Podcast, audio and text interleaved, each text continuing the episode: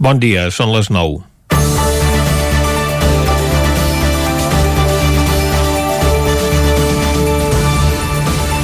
La croada judicial que ha de salvar Espanya de les urpes de l'independentisme no té aturador.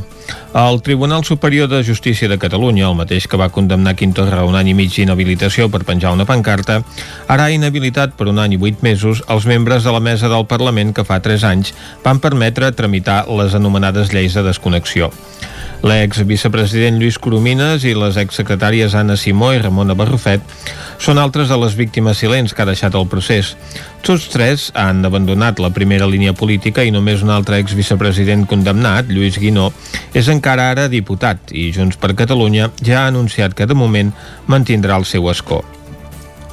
La sentència estableix que els parlaments no poden debatre i aprovar resolucions que pretenguin saltar-se la llei i menys si tenen una prohibició expressa de fer-ho per part del Tribunal Constitucional, que durant el procés va endurir el seu posicionament, és a dir, va canviar les regles del joc a mig partit. Es pot interpretar, doncs, com un precedent i una advertència del Poder Judicial sobre qualsevol modificació que pugui fer el legislatiu que l'afecti directament, ja que pot actuar de forma preventiva. El president del Parlament, Roger Torrent, reaccionava defensant la llibertat de discutir qualsevol tema en seu parlamentària i ho considerava un nou atac a la llibertat d'expressió. Els membres independentistes de la mesa van permetre en aquell moment tramitar les lleis de desconnexió i celebrar uns debats d'una tensió que tots recordem al·legant que no podien vetar cap iniciativa parlamentària per protegir els drets dels diputats a presentar-les. El tribunal ha absolt l'exdiputada de la CUP Mireia Boia perquè no havia rebut a títol personal cap advertència per part del Tribunal Constitucional, com els altres processats, en no ser membre de la mesa, sinó presidenta d'un grup parlamentari que també es va afegir a la iniciativa. La pena per aquest delicte de desobediència és la més alta que demanava la Fiscalia i l'acusació particular encarnada per Vox, que aconsegueix més rèdit polític als tribunals que a les Corts. També s'ha imposat als condemnats una multa de 30.000 euros, com la que també ha hagut de pagar el fins ara president de la Generalitat. Ara bé, la sentència posa de manifest la situació de la presidenta d'aquell Parlament, Carme Forcadell, condemnada pel Tribunal Suprem a 11 anys i 6 mesos de presó per un delicte de sedició pels mateixos fets. Total que ara els parlaments de fireta, com els autonòmics del país més descentralitzat del món, s'hauran de limitar a discutir sobre el temps, sempre que algun meteoròleg, com ara en Pep Acosta, no es querelli per intromissió professional, és clar. Comencem Territori 17, a la sintonia del 9 FM, Ona Codinenca, Ràdio Cardedeu, La Veu de Sant Joan i el 9 TV. Territori 17, amb Vicenç Vigues i Jordi Sunyer.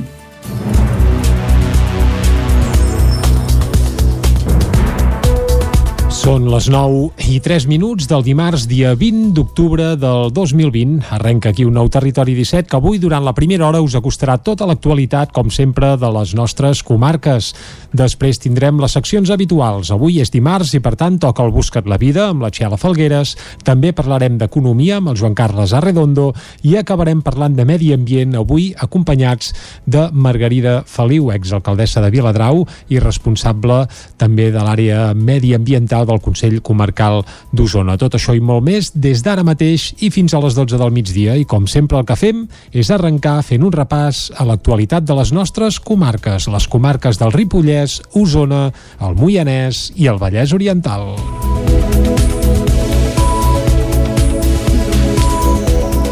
A Osona la situació epidemiològica no millora. Preocupen sobretot les dades de Vic i Manlleu.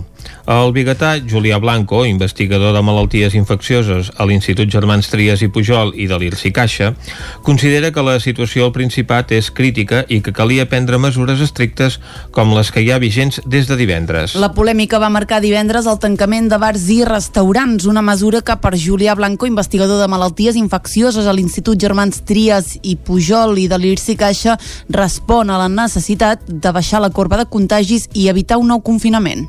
I si no prenem aquestes mesures, siguin bars, siguin restaurants, el que farem serà arribar a una situació encara més complicada, que ens portarà a un segon confinament, i és el que tots volem evitar.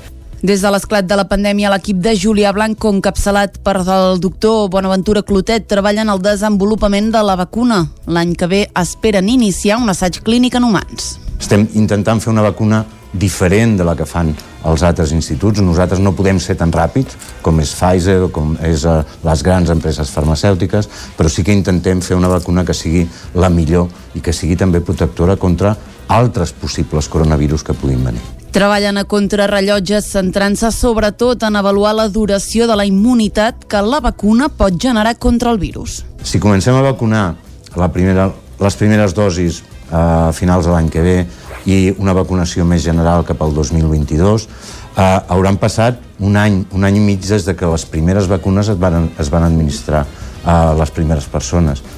Per tant, no tindrem dades d'aquesta duració a llarg termini de la immunitat. Eh? No sabrem si haurem de tornar a revacunar. Blanco alerta que la situació dels hospitals catalans ha tornat a empitjorar. Per això mateix demana a la ciutadania restringir la mobilitat, fer ús de la mascareta i seguir al peu de la lletra el distanciament social i la higiene de mans. El coronavirus expandeix el Ripollès i el risc de rebrot es dispara per sobre dels 700 punts amb 95 casos positius en les darreres dues setmanes. Isaac Muntades, des de la veu de Sant Joan. La situació de la pandèmia de la Covid-19 al Ripollès és molt dolenta i a hores d'ara la comarca té un índex de rebrot de 714,64 punts, 95 casos confirmats durant la darrera setmana i una velocitat de propagació d'1,65 punts segons el Departament de Salut. En aquests moments, a l'Hospital de Camp de Bànol ja hi ha 7 pacients ingressats, dels quals n'hi ha 3 que pertanyen al brot que va esclatar la setmana passada a la residència municipal de la gent gran de Ribes de Freser. Això sí, el gerent del centre hospitalari, Joan Graner, va assegurar que no hi havia ningú en estat crític i que fins i tot podrien donar algun alta aviat, tot i que va voler anar peus de plom, ja que els malalts de coronavirus a vegades tenen complicacions no previsibles en qüestió d'hores i acaben morint. Ara mateix tampoc hi ha cap sanitari aïllat. Graner va explicar que ja estan preparats per si arriben més malalts amb coronavirus i estan forçant altes. A més, estan sectoritzant l'hospital, concentrant els malalts de Covid en una unitat i els que no en tenen en una altra. El gerent també va subratllar l'elevada quantitat de positius que estan sortint darrerament i va ser crític amb algunes imatges que s'han vist per televisió i a les xarxes socials. Les imatges que han sortit de gent al Montseny invadint el Montseny, no crec que tots anessin a buscar de gent fent pícnic quan estava prohibit menjar i beure amb espais oberts i això no ha sigut un cas, eh? han sigut molts, molts casos. L'altre dia la gent aquesta que va buscar bolets invadeix el territori i deixa que la gent del territori no pugui passar. Això passa a gent que tenen propietats que tenen que anar a llaurar camps o tal, i posen allà el cotxe i el tractor no pot passar o, o les màquines no poden passar. I això és perquè eh, jo crec que la gent no ha entès quin és el motiu d'haver aplicat aquestes mesures. Evidentment, el motiu d'aplicar aquestes mesures vol dir que, escolta, que es tenim que quedar quiets. Graner va apuntar que si s'han tancat els bars i restaurants no és perquè la gent se'n vagi a la platja o a la muntanya a fer un pícnic, sinó per evitar la mobilitat. El doctor també va alertar que la gent de menys edat està patint més en aquesta segona onada. L'edat de la gent afectada ha baixat. Tot hem tingut algun de 28 anys ingressat i això, temps enrere, no, aquestes edats no les havien tingut ingressat. L'edat promig sembla que sigui inferior a la que havia sigut la primera onada. Semblaria que són una mica menys greu. Ara mateix la comarca està força tenyida de vermell i Ribes de Freser és l'epicentre del focus amb un risc molt alt de 23.103,65 punts i 46 casos positius detectats en els últims 14 dies i amb una taxa de reproducció de l'epidèmia de 8,81 punts. A Ripoll s'han diagnosticat 58 PCRs positius en les dues darreres setmanes i la població presenta un risc de rebrot molt alt de 667,11 punts, però l'epidèmia creix més a poc a poc amb només 1,85 punts. Sant Joan de les Abadeses, Can Davànol, Sant Pau de Segúries o Camprodon també estan en vermell, però només sumen 26 casos entre tots en els últims 14 dies, dels quals 9 són a Can Davànol, 7 a Sant Pau i 5 a Sant Joan i Camprodon. La taxa de reproducció de la Covid-19 a Caldes és de 4,11, una de les més altes de Catalunya. Caral Campàs, des d'Ona Codinenca. Situació preocupant aquests últims dies a Caldes, on la R empírica del virus és actualment de 4,11 punts. Aquesta xifra hauria de ser inferior a un únic punt per evitar la propagació de l'epidèmia. En aquest sentit, Gerard Jiménez, calderia estadístic especialista en anàlisi de la Covid-19, detallava que s'han registrat una cinquantena de positius en els darrers 10 dies. Informació, aquest cap de setmana s'han detectat molts positius i, i en 10 dies se n'acumulen 51 eh, i clar, això és quatre vegades més del que veníem tenint perquè ara normalment en una setmana teníem uns 10-12 casos i de cop i volta hem saltat doncs això a 40-50 i, i clar, és, és, un, bueno, és un increment preocupant perquè que jo sàpiga no s'ha declarat cap brot a la residència ni, ni cap brot així específic, llavors vol dir que és una miqueta així eh, comunitari i això és el que fa més por, no? perquè vol dir que, que hi ha hagut molta gent que s'ha contagiat de, de diverses maneres i que ha donat positiva ara aquest, aquests últims dies. Des de l'inici de la pandèmia, el passat dia 15 va ser la segona jornada amb més casos registrats, amb 13 contagis. La primera jornada amb més casos corresponia a mitjans d'abril pel brot que hi va haver a la Fundació Santa Susana, una residència d'avis del poble. Tot i aquesta situació de risc a nivell general, segons les dades del Departament d'Educació, a dia d'avui a Caldes no hi ha cap grup d'alumnes confinat en cap dels centres educatius de la vila. I en virtut de les noves mesures per fer front a la segona onada de la pandèmia de coronavirus, l'Ajuntament de Vic ha reduït les parades dels mercats setmanals. Amb el 30% de les parades es va reorganitzar el mercat de dissabte a Vic. El criteri utilitzat per decidir quines parades s'hi poden desplegar és la reducció de la mobilitat dels paradistes. Per aquest motiu es prioritzen les parades de la comarca. Els paradistes que van acudir dissabte a la plaça Major asseguraven que hi va passar força menys gent del que és habitual. Jordi Rubiró i Bruna Tresserra són paradistes al mercat de la plaça Major de Vic. La sensació és una mica que ha passat menys gent pel mercat, és a dir, que no ha vingut tanta gent. També perquè la veritat és que amb, amb aquesta estructura sí que queda una mica més pobre el mercat, perquè clar, la distància, el haver de, de mantenir tanta distància queda una mica menys, menys atractiu, suposo. Doncs al matí al principi ha, ha costat bastant arrencar, però sí que ara al migdia ha semblat que la gent doncs, sortia igualment, no? Però sí que el moviment aquest de sortir a comprar com habitualment els dissabtes no s'ha vist. Més enllà de les noves restriccions establertes per la Generalitat, alguns paradistes consideren que ja des de l'inici de la pandèmia necessiten multiplicar esforços per mantenir el negoci. És el cas de Jordi Vinyats.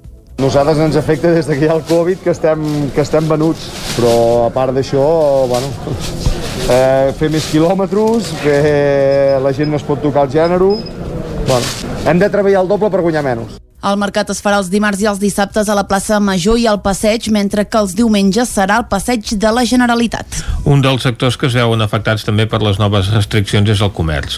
Coneixem com afecta aquestes restriccions al petit comerç a Cardedeu. David Oladell, de Ràdio Televisió, Cardedeu. El petit comerç ha sigut un dels grans afectats durant la crisi sanitària i ara, amb la tornada de l'estiu, semblava que podien tornar a agafar la rutina fins a aquestes noves mesures. Amb aquestes restriccions, molts dels comerços de Cardedeu es veuran obligats a obrir per deixar entrar només a una sola persona al local però des de la xarxa de comerç de Cardedeu no saben si serà prou com perquè aquests comerços subsisteixin. Malgrat els esforços per part de l'Ajuntament i la xarxa, els hi calen més ajudes a curt termini. Mariluz Romero, vocal de la Junta de la xarxa de comerç local de Cardedeu. Bèlgica, Holanda, França, els negocis que, que els han fet tancar, el govern els hi ha ingressat directament tants, un, una quantitat determinada d'euros perquè puguin tancar tranquil·lament. I aquí això no s'està fent. Hem de pagar, que el dia 20 toquen impostos, vale?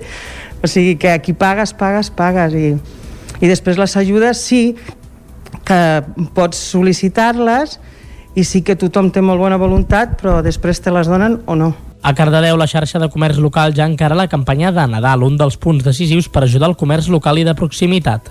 La 22a edició de l'Alhambra Festival de Jazz de Vic tanca la seva edició més inèdita amb èxit de públic. Una mostra compactada en tres dies de diferents registres de jazz i de músiques improvisades a l'escena catalana. Per primera vegada al festival no es va fer la Jazzcava de Vic, sinó en una carpa que es va improvisar a l'exterior de l'Atlàntida. El trompetista i compositor català Reinald Colom va tancar la nit de dissabte amb la presentació de The Barcelona Session, un viatge per la ciutat comtal que el músic narra a través del jazz. L'actuació de Colom va aconseguir penjar el cartell de sold out a l'entrada, una molt bona notícia per l'organització que davant les mesures que el govern de la Generalitat va aprovar dimecres per frenar el risc de contagi de coronavirus, va haver d'improvisar una carpa a l'exterior de l'Atlàntida. A dins un aforament màxim de 80 persones amb mascareta i garantint la distància de seguretat van poder gaudir de la desena d'actuacions que hi han succeït durant el cap de setmana. Jordi Casa de Sus és el director de l'Alhambra Festival de Jazz de Vic. Ha sigut eh, complicat, ja tenim el festival programat per al maig, es va haver de posposar, però bueno, normalment nosaltres fem dos caps de setmanes, eh, hem hagut d'adaptar-nos a la nova situació, el no poder-ho fer la Jascava i el nostre espai, diguem-ne, zona de confort, hem hagut de trobar la solució per poder-lo fer, al final la solució millor que se'ns va acudir i que ens ha semblat més correcte era doncs això, muntar una carpa aquí, amb un espai diguem ampli, amb l'aforament d'això de 80 persones, amb espai i podent prendre totes les mesures diguem-ne per, per, no, per la propagació del Covid. Per l'escenari del festival hi van passar, entre d'altres, Los Aurora, el projecte Astrolabi, encapçalat pel guitarrista usonenc Guillem Plana, o el duet format per Sergi Sirvent i David Vinyoles. Una exposició a Caldes mostra la petjada de l'art catifaire arreu del món. És l'únic acte de la trobada de catifaires que s'ha pogut realitzar aquest cap de setmana. Caral Campàs, des d'Ona Codinenca. Washington, el Vaticà i el Palau de la Generalitat són algunes de les poblacions i institucions que ha trepitjat la Federació Catalana d'Entitats Catifaires, tal com es pot veure a l'exposició inaugurada a l'Espai d'Art del Casino de Caldes aquest dissabte al vespre davant unes 20 persones. Aquesta és una de les dues activitats que s'ha pogut salvar del que en un principi havia de ser la quinzena trobada d'aquesta entitat, ja que les noves mesures aprovades per la Generalitat van precipitar la decisió d'anul·lar-la. A la inauguració hi van assistir diverses personalitats com ara la delegada del Departament de Cultura Maria Àngels Torres. Vam començar amb un congrés, recordo que va ser molt important, que es va liderar des d'aquí per situar les catifes en l'àmbit de l'art, com a art efímer. Aquest és el primer pilar de la construcció del que esteu fent ara i que l'esteu situant a la UNESCO. Alhora s'hi van fer presents representants d'algunes de les entitats que conformen la federació. La mostra fotogràfica recull imatges de les catifes creades a totes les poblacions que en formen part, entre les quals hi ha Arbúcies, Badalona o la Garriga. També es mostren els treballs fets conjuntament, molts per mostres internacionals. L'altra activitat prevista que es va mantenir va ser l'assemblea ordinària de la federació, que es va celebrar de forma telemàtica. Allà es van presentar els nous socis i es va informar sobre el projecte del 2020. De les 67 activitats previstes se n'han anul·lat 24 i des de l'organització esperen poder-ne recuperar alguna. També es va aprovar el nomenament de la secretària a càrrec de Núria Carbonell i Massip, representant del foment de Sitges. Al mateix temps van informar sobre l'estat dels comptes i els projectes del 2021, concretament la UNESCO, on volen entrar com a patrimoni mundial. I fins aquí el butlletí informatiu que us hem ofert amb les veus de Vicenç Vigues, Clàudia Dinarès, David Auladell, Caral Campàs i Isaac Muntades. I ara el que toca és parlar del temps. Casa Terradellos us ofereix el temps. I a Territori 17 parlar del temps és parlar amb el Pep Acosta. Pep, bon dia. Hola, molt bon dia. I bona hora. I avui sí que es nota ja molt, molt el, el vent de sud. El vent de sud sí que es nota, sobretot amb les temperatures. Atenció, al peritoral estem entre 12 i 14 graus, a la plana de Vic més de 10 graus i també diversos punts del Pirineu més de 10 graus. Uh, fa 3-4 dies, a aquestes hores, les temperatures mínimes baixaven dels 0 graus en moltes poblacions. Mm -hmm. uh, vull dir, ja veieu eh, quin canvi de temps, quin canvi de situació meteorològica, com s'han disparat les temperatures degut a aquests vents de sud i que són provocats per aquesta enorme pertorbació que tenim a l'oest de la península ibèrica, que està provocant molta pluja cap allà, cap a l'oest de la, de la península ibèrica, Galícia, Portugal, eh, rebran gran quantitat de pluja, però a nosaltres no ens afectarà de manera directa. Els últims mapes diuen que no, que no vindrà, que no, no té ganes d'afectar-nos aquesta perturbació de ple. Uh -huh. sí, que, la, sí que ens aporta això, ens aporta aquests vents de sud i que fa que la temperatura s'hagi disparat literalment aquesta nit. Després, atenció, durant el dia, què ens aportarà aquesta pertorbació? Quins efectes tindrà? Doncs més o menys com ahir. Ahir va ser un dia amb sol, amb núvols i amb un ambient carregat. Allò que dèiem, ostres, sí que, sí que hi ha humitat ambiental, quina mala visibilitat. Doncs avui serà un dia gairebé igual. Sol i núvols, eh, no s'acabarà de tapar del tot, però tampoc farà sol, hi haurà molta mala visibilitat, eh, molts núvols baixos, molta humitat, el temps enganxifós, allò que dèiem a l'estiu, a ple estiu que us eh, enganxa tot. Mm -hmm. Clar, no som a estiu, no, no serà el mateix, però serà això, eh? L'ambient, es notarà un ambient que està carregat, un ambient amb molta humitat. Doncs avui serà aquest clàssic dia. Atenció també al vent. Hi ha bufat a 80-90 km per hora al cap a de Ter, a dalt de tot. A les zones més altes, sobretot del Pirineu, també del Peritoral, pot bufar moderat a fora del vent. 40, 50, 60, 70 km per hora i hem dit en pic superior a aquesta velocitat. Mm. Amb una mica de precaució amb el vent. De cara a la tarda, doncs serà mm, un temps molt igual, molt igual. Una mica més de núvols de vessant sud del Pirineu, eh, cap a zona del Montseny també més núvols, no s'esquart, no s'escarten, perdó, quatre, quatre gotes, molt poca cosa, i unes temperatures eh, bastant semblants a les d'ahir o una mica més altes. Per sobre, per sobre dels 20 graus a la majoria de les poblacions. No gaire per sobre, però això, entre 20, 21, 22 graus a la majoria de les poblacions. Temperatures molt homogènies a la majoria de, de, de les nostres ciutats i pobles. I també a destacar que hi ha poca variació tèrmica. És a dir, eh, les nits, com deia, entre els 10 i 12 graus de mínima, les màximes 20-21 graus. Veieu que hi ha poca, poc contrast tèrmic. Uh -huh. La setmana passada estàvem parlant de mínimes de 1 o 2 sota 0 i de màximes de 18-19, Eh, per tant, hi havia molt contrast tèrmic entre dia i la nit. Aquests vents de sud fan que el contrast tèrmic sigui molt menys important. I això és tot. Eh, només dir això, que avui serà un dia eh, això marcat pels vents de sud, que es deixaran sentir. Serà un vent eh, moderat, però, però diria que no és incòmode del tot, perquè no serà molt fred.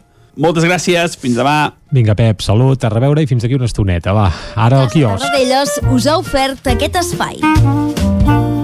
Territori 17 Anem ara cap al quiosc per saber què treuen en portada els diaris d'avui, Clàudia. Bon dia de nou, comencem com sempre amb el punt avui que diu un any i vuit mesos d'inhabilitació. Dura condemna a la mesa del Parlament de l'1 d'octubre per desobediència. Barrufet, Coromines, Guinó i Simó inhabilitats i Mireia Boia absolta. El govern diu vol posar fi al botellón de nit. No descarta el toc de queda, tot i que insisteix que ara no està sobre la taula. Decreta el tancament de les botigues 24 24 hores entre les 10 de la nit i les 7 del matí. Mil morts cada any a Barcelona a causa de la contaminació. La pol·lució va provocar 525 casos d'asma infantil a la ciutat l'any 2019. Al diari Ara, més restriccions per evitar el toc de queda.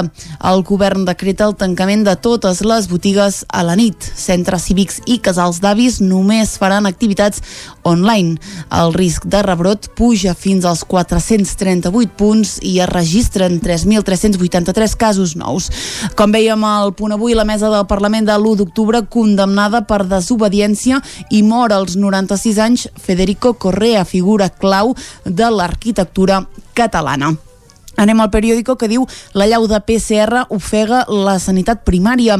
Els sanitaris dels CAP alerten de les aglomeracions i volen instal·lacions alternatives. A la imatge de la portada diu autoexploració contra el càncer de mama. La saturació dels centres sanitaris per la Covid-19 converteix l'autorevisió en una arma clau contra aquesta malaltia. El seu dia mundial, que es va celebrar ahir, va il·luminar edificis de Barcelona com ara la Casa Balló que veiem a la imatge de la portada. Més notícies del periòdico diu l'hotel Art Rassa en la subhasta dels locals del front marítim. S'adjudiquen per 78 milions tots els espais privatitzats menys la gasolinera i el McDonald's. I un cop més inhabilitada la, la mesa del Parlament de l'1 d'octubre per desobeir. A l'avantguàrdia, els hospitals catalans ja estan a una setmana d'ajornar operacions. A la imatge de la portada, Evo Morales reneix de les cendres a Bolívia. Tornarem a veure les portades espanyoles. Uh, un cop més, tornem a veure inhabilitada la mesa del Parlament del 2017 per les lleis de desconnexió, una de les notícies del dia, i els experts consideren massa optimista la previsió de Calviño. Anem a veure doncs, què treuen en portada els diaris de Madrid. Comencem amb el país que diu les pujades d'impostos es cull pel pacte dels pressupostos.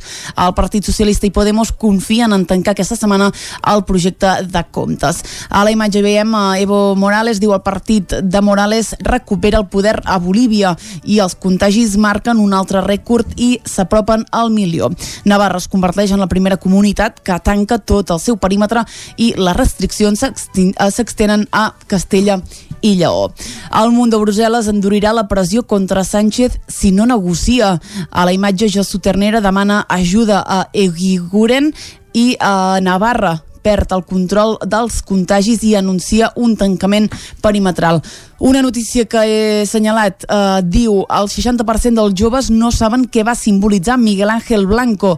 Alerta perquè diu que per la meitat dels espanyols ETA segueix activa.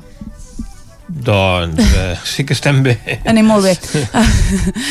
A la raó continuem. El PP de Casado votarà no a la moció de censura de Bascal i Navarra s'autoaplica l'estat d'alarma, tanca des de dijous.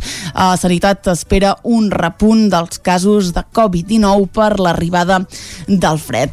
I, com sempre, acabem amb l'ABC, que diu el toc de queda sobrevola Espanya. Madrid i Catalunya valoren demanar al govern que apliqui el model francès i Navarra ordena el tancament perimetral de la comunitat al reconèixer que les mesures parcials haurien fracassat. En política, Sánchez bloqueja la llei contra la pandèmia en ple rebrot. Diu, quatre mesos després d'aconseguir el suport majoritari al Congrés, el Partit Socialista i els seus aliats segueixen impedint que la cambra desenvolupi la normativa per fer front a la segona onada.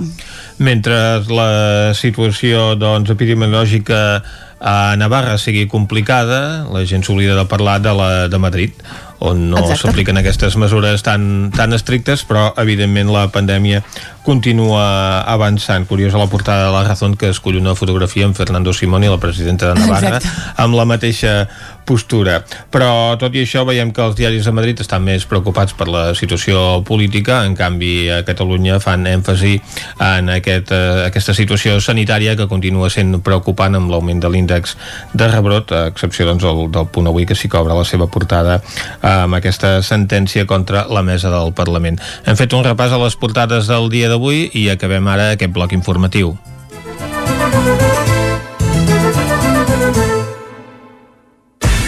El nou FM, la ràdio de casa, al 92.8. Les bones decisions tenen premi. I és que si té una caldera Vaillant, està d'enhorabona. Vaillant li ofereix fins a 15 anys de cobertura total, amb la revisió obligatòria inclosa. Informis a Oficiat Nord trucant al 93 886 0040. Amb el servei tècnic oficial de Vaillant, la seva caldera estarà en les millors mans. Vols trencar amb l'oligopoli de l'IBEX 35? Apunta't al consum estratègic i comença a consumir serveis catalans. Per això et convidem a omplir el dipòsit a Petrolis Independents. A Osona ens trobaràs al polígon Mas Galí de Vic i a Centelles just després de la sortida sud. Si vols factura, entra a la nostra pàgina web petrolisindependents.cat i dona't d'alta. Comença a ser independent. Tenim la força de l'amor. Cocodril Club. Si t'agrada la bona música dels anys 60, 70 i 80, escolta el 9 FM als matins de dissabtes i diumenges d'11 a 1. És el temps del Cocodril Club, tot un clàssic de la ràdio, amb les bases del pop-rock, les llegendes, les cançons que s'han convertit en autèntics himnes. Recorda, dissabtes i diumenges al matí, d'11 a 1, al 9 FM 92.8. Cocodril Club, el programa revival de l'Albert Malla. Hasta luego, cocodrilo. Cobertes serveis funeraris. Els nostres tanatoris estan ubicats en els nuclis urbans més poblats de la comarca d'Osona per oferir un millor servei. Tanatori de Vic, Tanatori de Manlleu, Tanatori de Centelles i Tanatori de Roda de Ter.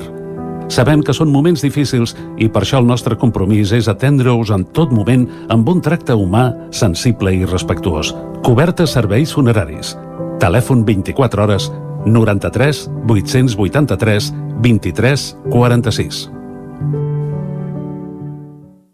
Anuncia't al 9FM. La màquina de casa. 9 3 8 8 9 4 9 4 9. Publicitat arroba al 9FM.cat. Anuncia't al 9FM. La publicitat més eficaç.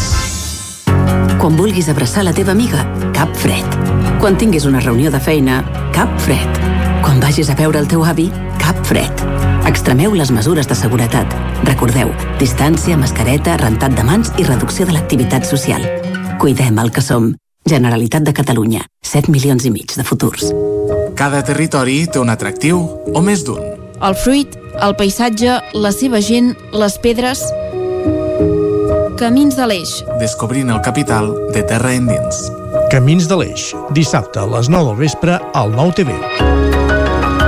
Aquesta setmana, l'Alt Urgell, amb el suport de la Generalitat de Catalunya. 7 milions i mig de futurs. FM, el nou FM, el nou FM, el nou FM, el nou FM. Territori 17, amb Vicenç Vigues i Jordi Sunyer.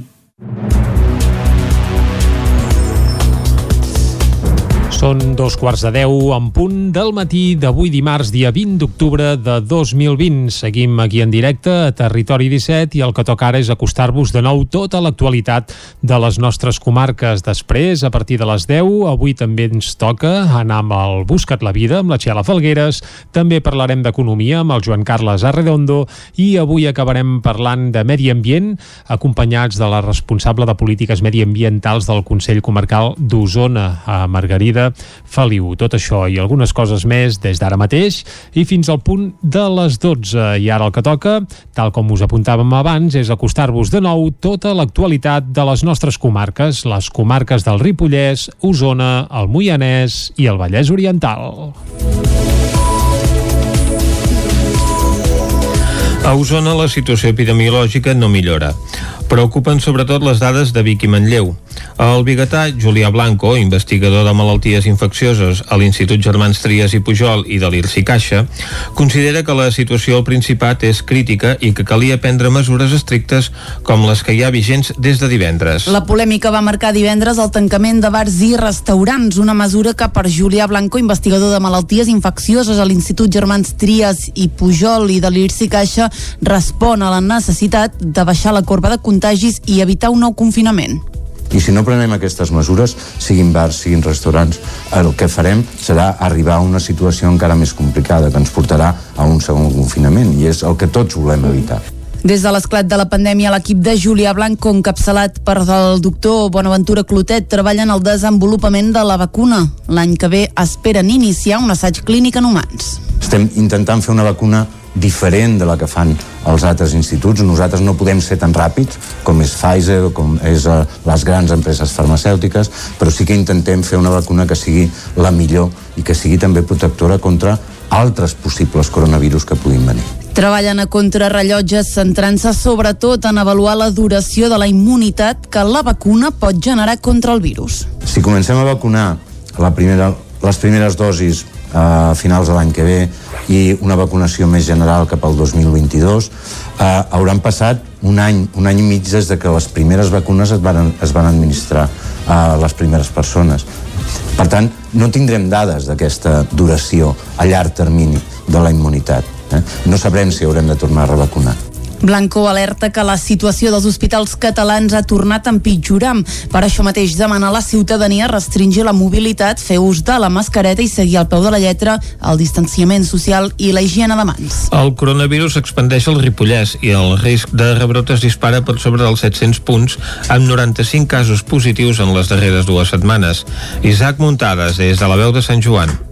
La situació de la pandèmia de la Covid-19 al Ripollès és molt dolenta i a hores d'ara la comarca té un índex de rebrot de 714,64 punts, 95 casos confirmats durant la darrera setmana i una velocitat de propagació d'1,65 punts segons el Departament de Salut. En aquests moments, a l'Hospital de Camp de Bànol ja hi ha 7 pacients ingressats, dels quals n'hi ha 3 que pertanyen al brot que va esclatar la setmana passada a la residència municipal de la gent gran de Ribes de Freser. Això sí, el gerent del centre hospitalari, Joan Graner, va assegurar que no hi havia ningú en estat crític i que fins i tot podrien donar algun alta aviat, tot i que va voler anar amb peus de plom, ja que els malalts de coronavirus a vegades tenen complicacions no previsibles en qüestió d'hores i acaben morint. Ara mateix tampoc hi ha cap sanitari aïllat. Graner va explicar que ja estan preparats per si arriben més malalts amb coronavirus i estan forçant altes. A més, estan sectoritzant l'hospital, concentrant els malalts de Covid en una unitat i els que no en tenen en una altra. El gerent també va subratllar l'elevada quantitat de positius que estan sortint darrerament i va ser crític amb algunes imatges que s'han vist per televisió i a les xarxes socials. Les imatges que han sortit de gent al Montseny invadint el Montseny, no crec que tots anessin a buscar voler bolets, de gent fent pícnic quan estava prohibit menjar i beure en espais oberts, i això no ha sigut un cas, eh? han sigut molts, molts casos. L'altre dia la gent aquesta que va buscar bolets invadeix el territori i deixa que la gent del territori no pugui passar. Això passa a gent que tenen propietats que tenen que anar a llaurar camps o tal, i posen allà el cotxe i el tractor no pot passar o les màquines no poden passar. I això és perquè eh, jo crec que la gent no ha entès quin és el motiu d'haver aplicat aquestes mesures. Evidentment, el motiu d'aplicar aquestes mesures vol dir que, escolta, que es tenim que quedar quiets. Graner va apuntar que si s'han tancat els bars i restaurants no és perquè la gent se'n vagi a la platja o a la muntanya a fer un pícnic, sinó per evitar la mobilitat. El doctor també va alertar que la gent de menys edat està patint més en aquesta segona onada. L'edat de la gent afectada ha baixat. Tot hem tingut algun de 28 anys ingressat i això, temps enrere, no, aquestes edats no les havien tingut ingressat. L'edat promig sembla que sigui inferior a la que havia sigut la primera onada. Semblaria que són una mica menys greu. Ara mateix la comarca està força tenyida de vermell i Ribes de Freser és l'epicentre del focus amb un risc molt alt de 23.103,65 punts i 46 casos positius detectats en els últims 14 dies i amb una taxa de reproducció de l'epidèmia de 8,81 punts. A Ripoll s'han diagnosticat 58 PCRs positius en les dues darreres setmanes i la població presenta un risc de rebrot molt alt, de 667,11 punts, però l'epidèmia creix més a poc a poc amb només 1,85 punts. Sant Joan de les Abadeses, Camp Sant Pau de Segúries o Camprodon també estan en vermell, però només sumen 26 casos entre tots en els últims 14 dies, dels quals 9 són a Camp de Bànol, 7 a Sant Pau i 5 a Sant Joan i Camprodon. La taxa de reproducció de la Covid-19 a Caldes és de 4,11, una de les més altes de Catalunya. Caral Campàs, des d'Ona Codinenca. Situació preocupant aquests últims dies a Caldes, on la R empírica del virus és actualment de 4,11 punts. Aquesta xifra hauria de ser inferior a un únic punt per evitar la propagació de l'epidèmia. En aquest sentit, Gerard Jiménez, calderia estadístic especialista en anàlisi de la Covid-19, detallava que s'han registrat una cinquantena de positius en els darrers 10 dies. Informació, aquest cap de setmana s'han detectat molts positius i, i en 10 dies se'n acumulen 51 eh, i clar, això és quatre vegades més del que veníem tenint perquè ara normalment en una setmana teníem uns 10-12 casos i de cop i volta hem saltat doncs això a 40-50 i, i clar, és, és, un, bueno, és un increment preocupant perquè que jo sàpiga no s'ha declarat cap brot a la residència ni, ni cap brot així específic llavors vol dir que és una miqueta així eh, comunitari i això és el que fa més por, no? perquè vol dir que, que hi ha hagut molta gent que s'ha contagiat de, de diverses maneres i que ha donat positiva ara aquest, aquests últims dies. Des de l'inici de la pandèmia, el passat dia 15 va ser la segona jornada amb més casos registrats, amb 13 contagis. La primera jornada amb més casos corresponia a mitjans d'abril pel brot que hi va haver a la Fundació Santa Susana, una residència d'avis del poble. Tot i aquesta situació de risc a nivell general, segons les dades del Departament d'Educació, a dia d'avui a Caldes no hi ha cap grup d'alumnes confinat en cap dels centres educatius de la vila.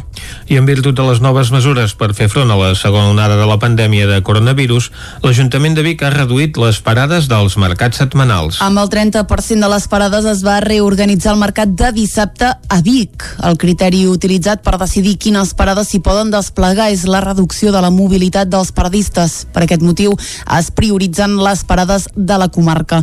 Els paradistes que van acudir dissabte a la plaça Major asseguraven que hi va passar força menys gent del que és habitual. Jordi Rubiró i Bruna Tresserra són paradistes al mercat de la plaça Major de Vic. La sensació és una mica que ha passat menys gent pel mercat, és a dir, que no ha vingut tanta gent. També perquè la veritat és que amb, amb aquesta estructura sí que queda una mica més pobre el mercat, perquè clar, la distància, el haver de, de mantenir tanta distància queda una mica menys, menys atractiu, suposo.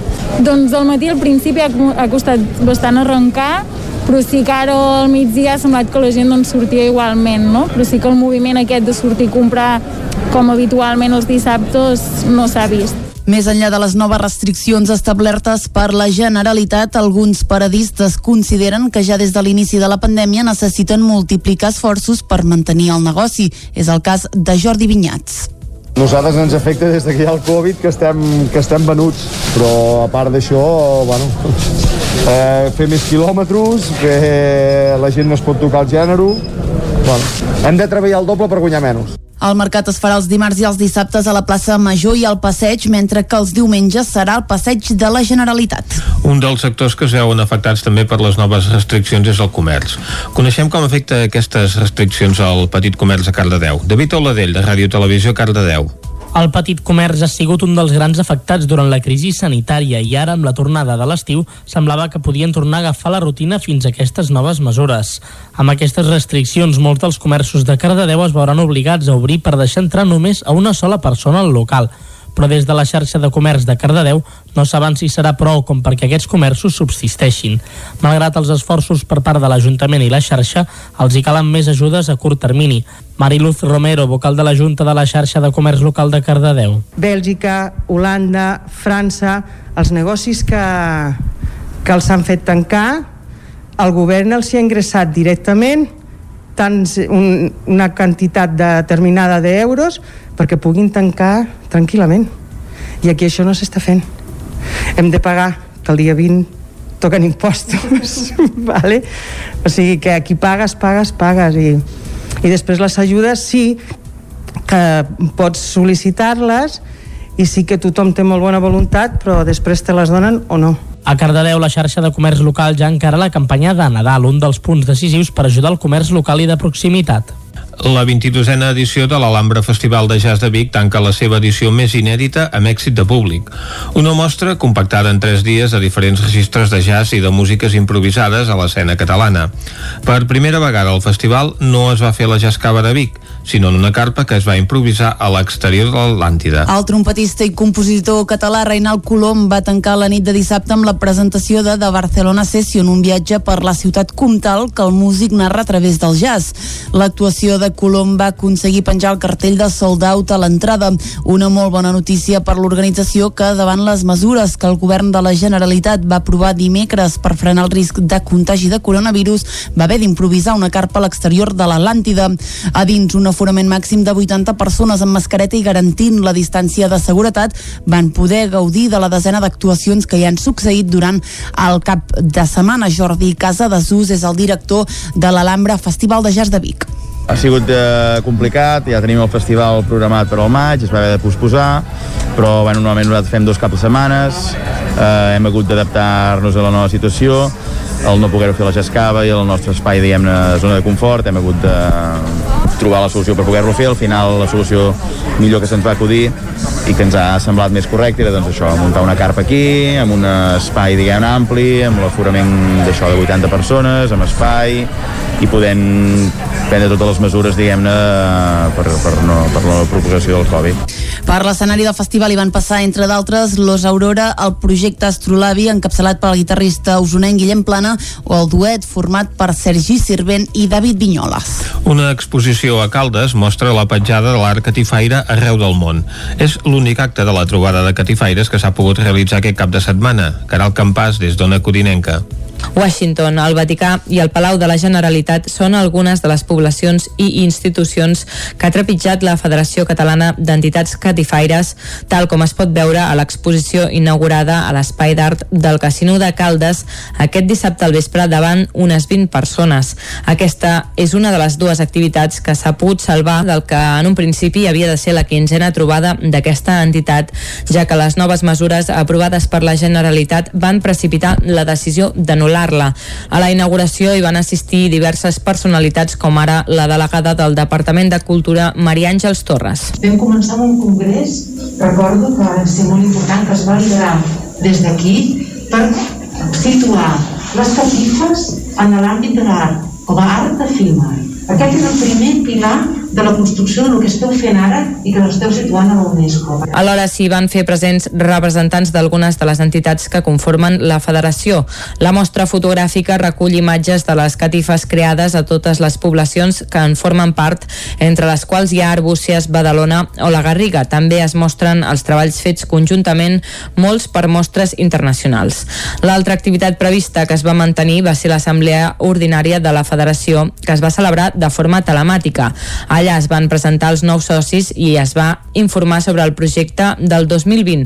De les 67 activitats previstes se n'han anul·lat 24 i des de l'organització esperen poder-ne recuperar alguna. També es va aprovar el nomenament de la secretària a càrrec de Núria Carbonell i Massip, representant del foment de Sitges. Al mateix temps van informar sobre l'estat dels comptes i els projectes del 2021, concretament la UNESCO, on volen entrar com a patrimoni mundial. I fins aquí el butlletí informatiu que us hem ofert amb les veus de Vicenç Vigues, Clàudia Dinarès, David Auladell, Caral Campàs i Isaac Muntades. I ara el que toca és parlar del temps.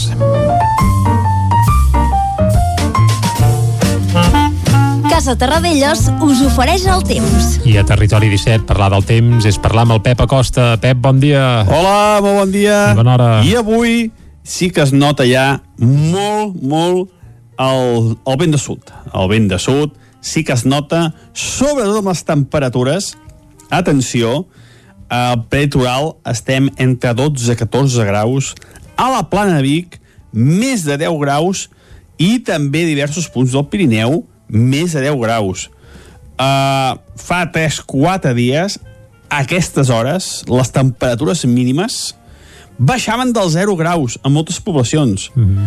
uh, vull dir, ja veieu eh, quin canvi de temps, quin canvi de situació meteorològica, com s'han disparat les temperatures degut a aquests vents de sud i que són provocats per aquesta enorme pertorbació que tenim a l'oest de la península ibèrica, que està provocant molta pluja cap allà, cap a l'oest de la, de la península ibèrica, Galícia, Portugal, eh, rebran gran quantitat de pluja, però a nosaltres no ens afectarà de manera directa. Els últims mapes diuen que no, que no vindrà, que no, no té ganes d'afectar-nos aquesta perturbació de ple. Uh -huh. Sí que la, sí que ens aporta això, ens aporta aquests vents de sud i que fa que la temperatura s'hagi disparat literalment aquesta nit. Després, atenció, durant el dia, què ens aportarà aquesta pertorbació? Quins efectes tindrà? Doncs més o menys com ahir. Ahir va ser un dia amb sol, amb núvols i amb un ambient carregat. Allò que dèiem, ostres, sí que, sí que hi ha humitat ambiental, quina mala visibilitat. Doncs avui serà un dia gairebé igual. Sol i núvols, eh, no s'acabarà de tapar del tot, però tampoc farà sol, hi haurà molta mala visibilitat, eh, molts núvols baixos, molta humitat, el temps enganxifós, allò que dèiem a l'estiu, a ple estiu que us eh, enganxa tot. Mm -hmm. Clar, no som a estiu, no, no serà el mateix, però serà això, eh? L'ambient, es notarà un ambient que està carregat, un ambient amb molta humitat. Doncs avui serà aquest clàssic dia. Atenció també al vent. Hi ha bufat a 80-90 km per hora el cap a Ter, a dalt de tot, a les zones més altes, sobretot del Pirineu, també del peritoral, pot bufar moderat a fora del vent, 40, 50, 60, 70 km per hora, i hem dit en pics superior a aquesta velocitat, amb una mica de precaució amb el vent. De cara a la tarda, doncs serà un temps molt igual, molt igual, una mica més de núvols a vessant sud del Pirineu, eh, cap a zona de Montseny també més núvols, no s'escarten, no s'escarten, perdó, quatre, quatre gotes, molt poca cosa, i unes temperatures eh, bastant semblants a les d'ahir o una mica més altes, per sobre, per sobre dels 20 graus a la majoria de les poblacions. No gaire per sobre, però això, entre 20, 21, 22 graus a la majoria de les poblacions. Temperatures molt homogènies a la majoria de, de, de les nostres ciutats i pobles. I també a destacar que hi ha poca variació tèrmica. És a dir, eh, les nits, com deia, entre els 10 i 12 graus de mínima, les màximes 20-21 graus. Veieu que hi ha poca, poc contrast tèrmic. Uh -huh. La setmana passada estàvem parlant de mínimes de 1 o 2 sota 0 i de màximes de 18-19. Eh, per tant, hi havia molt contrast tèrmic entre dia i de nit. Aquests vents de sud fan que el contrast tèrmic sigui molt menys important. I això és tot. Eh, només dir això, que avui serà un dia eh, això marcat pels vents de sud, que es deixaran sentir. Serà un vent eh, moderat, però, però diria que no és incòmode del tot, perquè no serà molt fred. Moltes gràcies, fins demà. Vinga, Pep, salut, a reveure i fins aquí una estoneta, va. Ara al quiosc. Tarradellas us ha ofert aquest espai. Territori 17 Anem ara cap al quiosc per saber què treuen en portada els diaris d'avui, Clàudia. Bon dia de nou, comencem com sempre amb el punt avui que diu un any i vuit mesos d'inhabilitació. Dura condemna a la mesa del Parlament de l'1 d'octubre per desobediència. Barrufet, Coromines, Guinó i Simó inhabilitats i Mireia Boia absolta. El govern diu vol posar fi al botellón de nit. No descarta el toc de queda, tot i que insisteix que ara no està sobre la taula. Decreta el tancament de les botigues 24 hores entre les 10 de la nit i les 7 del matí. Mil morts cada any a Barcelona a causa de la contaminació. La pol·lució va provocar 525 casos d'asma infantil a la ciutat l'any 2019. Al diari Ara, més restriccions per evitar el toc de queda. El govern decreta el tancament de totes les botigues a la nit. Centres cívics i casals d'avis només faran activitats online. El risc de rebrot puja fins als 438 punts i es registren 3.383 casos nous. Com veiem al punt avui, la mesa del Parlament de l'1 d'octubre condemnada per desobediència i mor als 96 anys Federico Correa, figura clau de l'arquitectura catalana. Anem al periòdico que diu la llau de PCR ofega la sanitat primària. Els sanitaris dels CAP alerten de les aglomeracions i volen instal·lacions alternatives. A la imatge de la portada diu autoexploració contra el càncer de mama. La saturació dels centres sanitaris per la Covid-19 converteix l'autorevisió en una arma clau contra aquesta malaltia. El seu dia mundial, que es va celebrar ahir, va il·luminar edificis de Barcelona com ara la Casa Balló que veiem a la imatge de la portada. Més notícies del periòdico diu l'hotel Art Rassa en la subhasta dels locals del front marítim. S'adjudiquen per 78 milions tots els espais privatitzats menys la gasolinera i el McDonald's. I un cop més, inhabilitada la, la mesa del Parlament de l'1 d'octubre per desobeir. A l'avantguàrdia, els hospitals catalans ja estan a una setmana d'ajornar operacions. A la imatge de la portada, Evo Morales reneix de les cendres a Bolívia. Tornarem a veure les portades espanyoles. Uh, un cop més, tornem a veure inhabilitada la mesa del Parlament del 2017 per les lleis de desconnexió, una de les notícies del dia, i els experts consideren massa optimista la previsió de Calviño. Anem a veure doncs, què treuen en portada els diaris de Madrid. Comencem amb el país que diu les pujades d'impostos es cull pel pacte dels pressupostos. El Partit Socialista i Podemos confien en tancar aquesta setmana el projecte de comptes. A la imatge veiem a Evo Morales, diu el partit de Morales recupera el poder a Bolívia i els contagis marquen un altre rècord i s'apropen al milió. Navarra es converteix en la primera comunitat que tanca tot el seu perímetre i les restriccions s'extenen a Castella i Lleó. El munt de Brussel·les endurirà la pressió contra Sánchez si no negocia.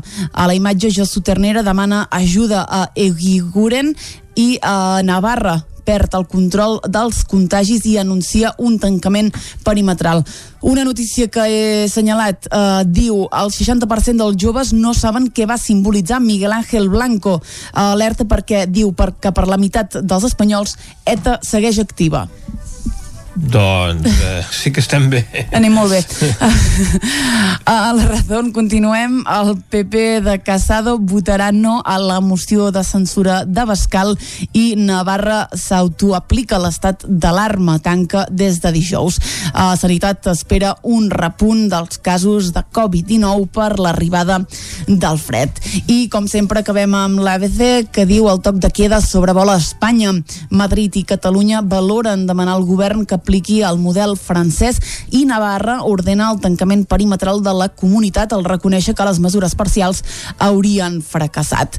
En política, Sánchez bloqueja la llei contra la pandèmia en ple rebrot. Diu, quatre mesos després d'aconseguir el suport majoritari al Congrés, el Partit Socialista i els seus aliats segueixen impedint que la cambra desenvolupi la normativa per fer front a la segona onada. Mentre la situació doncs, epidemiològica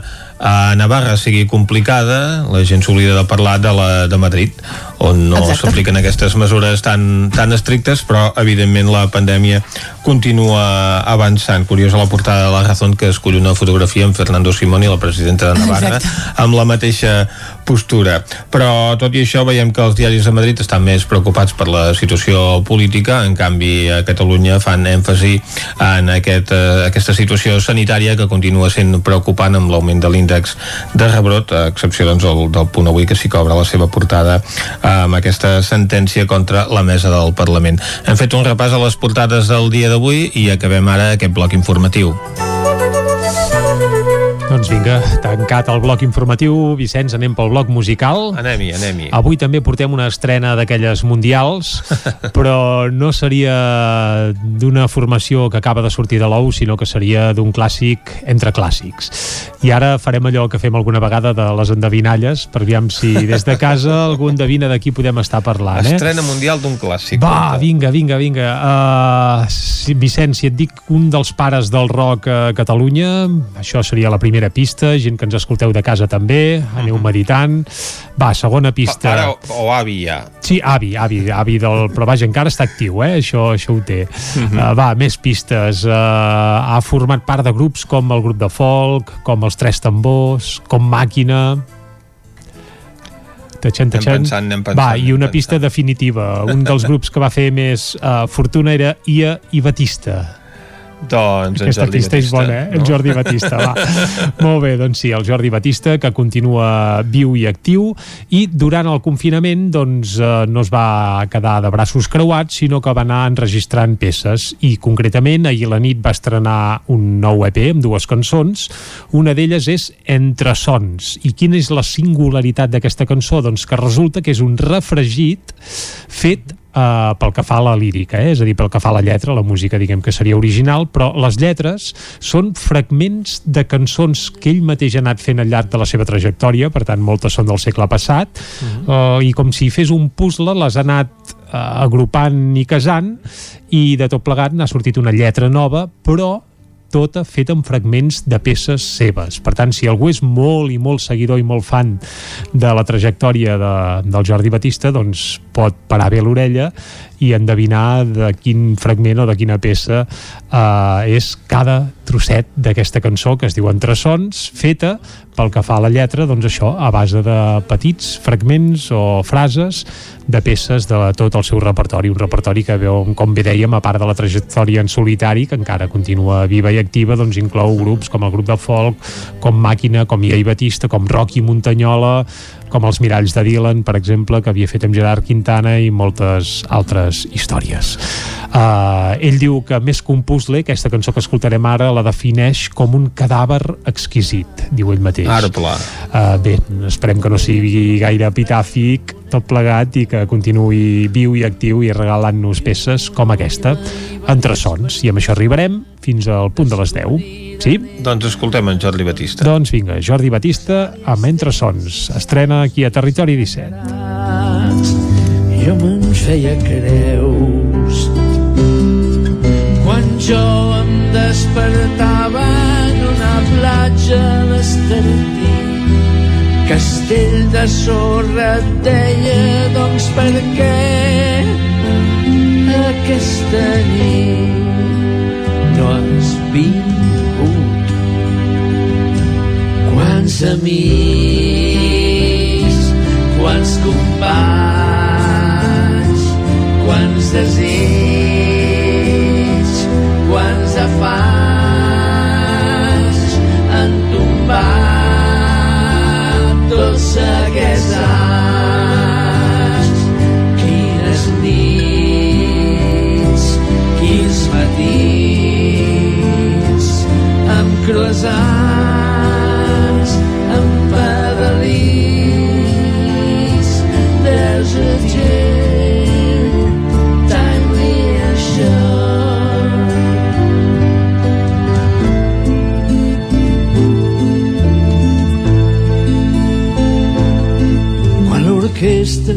plataria l'embalat trenava les cançons celestials s'encenien els turons i les ciutats.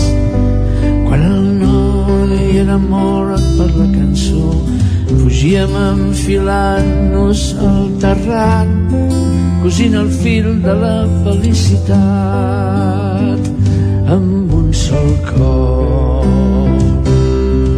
les paraules que es digueren com un eco tornen a mi.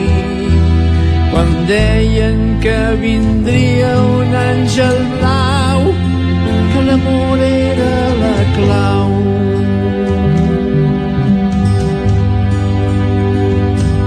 Música que m'has donat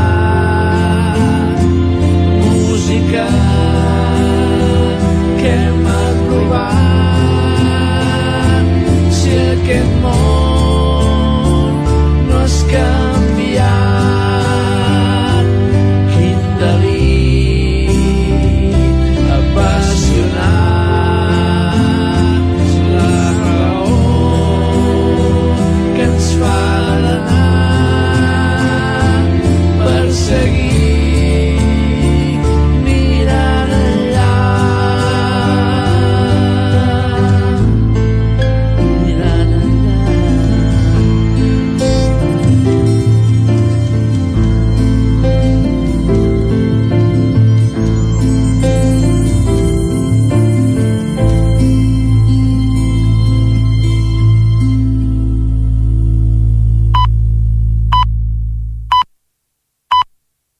les 10 en punt torna la informació de les nostres comarques, les comarques del Ripollès, Osona, el Moianès i el Vallès Oriental.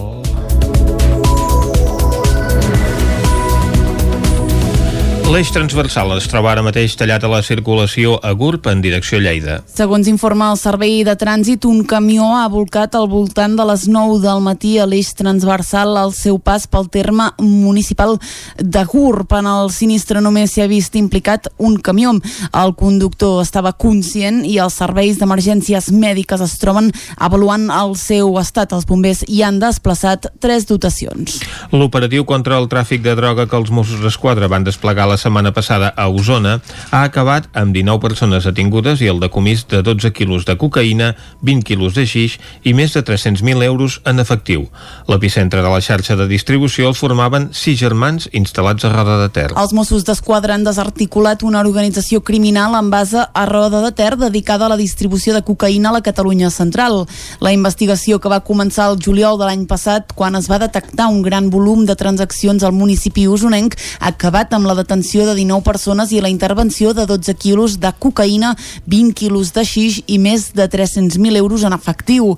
El grup estava liderat per sis germans establerts a Roda que aconseguien droga en grans quantitats que emmagatzemaven i revenien després d'adulterar-la amb diferents substàncies per augmentar el pes del producte.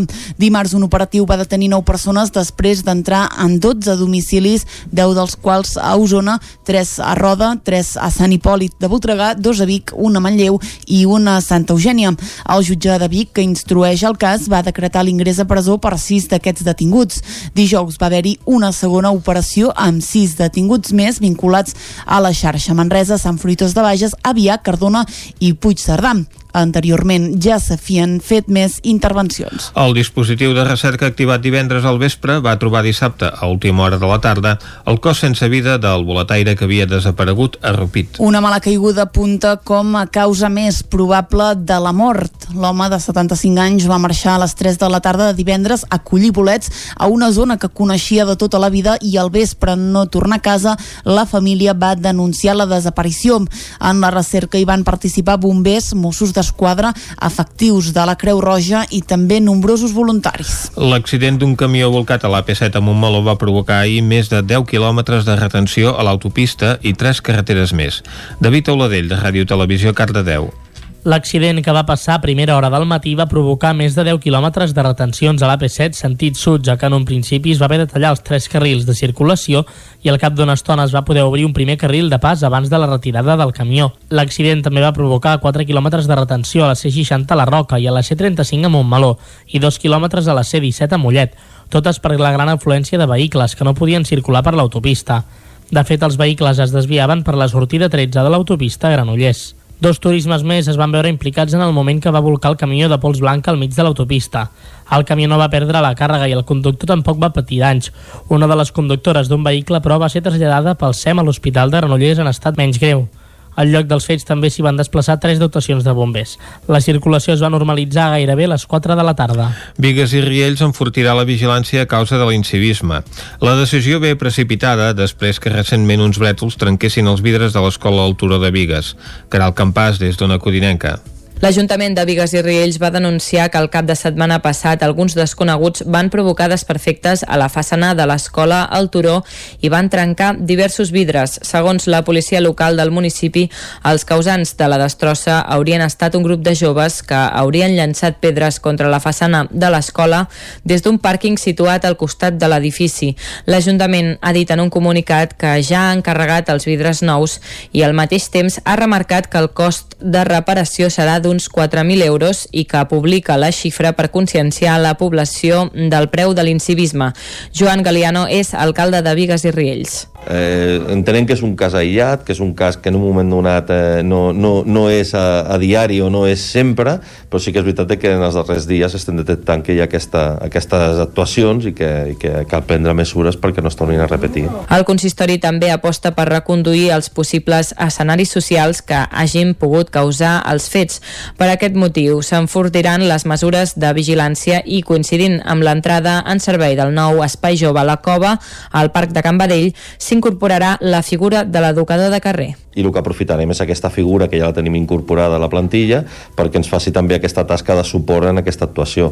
Eh, de fet, és una eina més per posar, per posar un remei en una situació que creiem que, que, que no s'ha de repetir. Al mateix temps, a causa de l'augment de l'incivisme al municipi, la policia local intensificarà les tasques de vigilància a la zona del Parc de Can Badell, del pavelló municipal i de l'escola al Turó, així com al Parc de Lluís Companys, els caps de setmana, ja que són els espais on s'ha detectat un major incivisme. La biguetana Marta Pascal serà la candidata a la presidència de la Generalitat del Partit Nacionalista de Catalunya en les eleccions al Parlament que es faran el 14 de febrer. El comitè executiu del PNC ha validat la candidatura de Pascal per encapçalar la llista per Barcelona després que fos l'única que es va presentar en el termini establert. Al mes de novembre s'escolliran els candidats de la resta de circumscripcions. Pascal s'ha mostrat convençuda que el partit obtindrà representació al Parlament per poder transformar al país.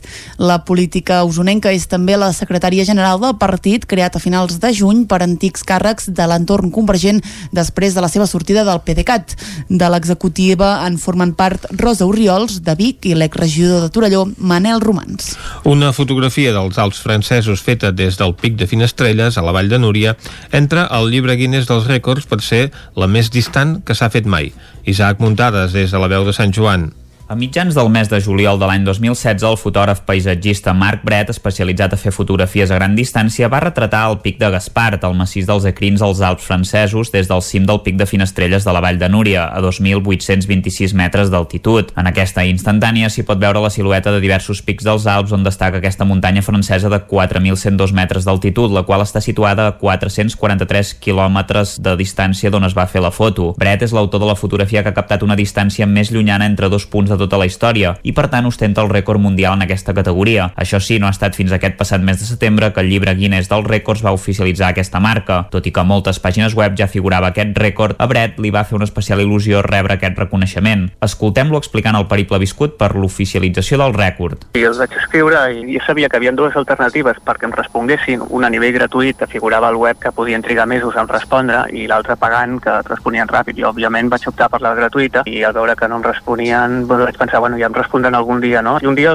vaig buscar contactar amb ells una altra vegada i vaig veure que sí que m'havien escrit, a través del seu formulari web directament, que jo en el seu moment no m'havia donat compte. I simplement allà em tornaven a preguntar i em preguntaven més dades, o sigui, més dades per, per, per poder fer una mica l'examen de, de, de foto i tot això, no? I, i bueno, ja els vaig explicar una mica tot, s'ho van estudiar i, i al final doncs, bueno, van, van enviar un correu, m'han dit sí, sí, l'hem validat, ens consta que tot quadra, tots els elements, tots els arguments que m'aportes i les referències, doncs són, són consistents. Per aconseguir aquest rècord, Brett tampoc va fer servir la millor càmera del mercat, sinó que més aviat era una càmera híbrida de gamma mitjana però amb un zoom molt potent. Per aquest fotògraf el més important per fer aquestes instantànies de llarga distància és la llum, l'aire i la meteorologia. Brett va explicar que hi ha altres serralades del món on es podia superar aquest rècord, com per exemple la dels Andes, i de fet aquest any tenia pensat desplaçar-se en un indret que no va voler revelar amb un company per superar de nou el rècord, però haurà d'esperar l'any vinent. Doncs sí, evidentment haurà d'esperar l'any vinent perquè tenint en compte la situació de pandèmia que viu no només a Catalunya i als països catalans, sinó tot, tot el món, doncs és, és complicat ara mateix aventurar-se a fer fotografies com la que ens explicava l'Isaac Muntades. Doncs res, fins aquí el butlletí de notícies de les 10, que hem fet com sempre amb les veus de Vicenç Vigues, Clàudia Dinarès, David Auladell, Caral Campàs i Isaac Muntades. I ara abans d'anar cap a l'entrevista, el que hem de fer és parlar del temps.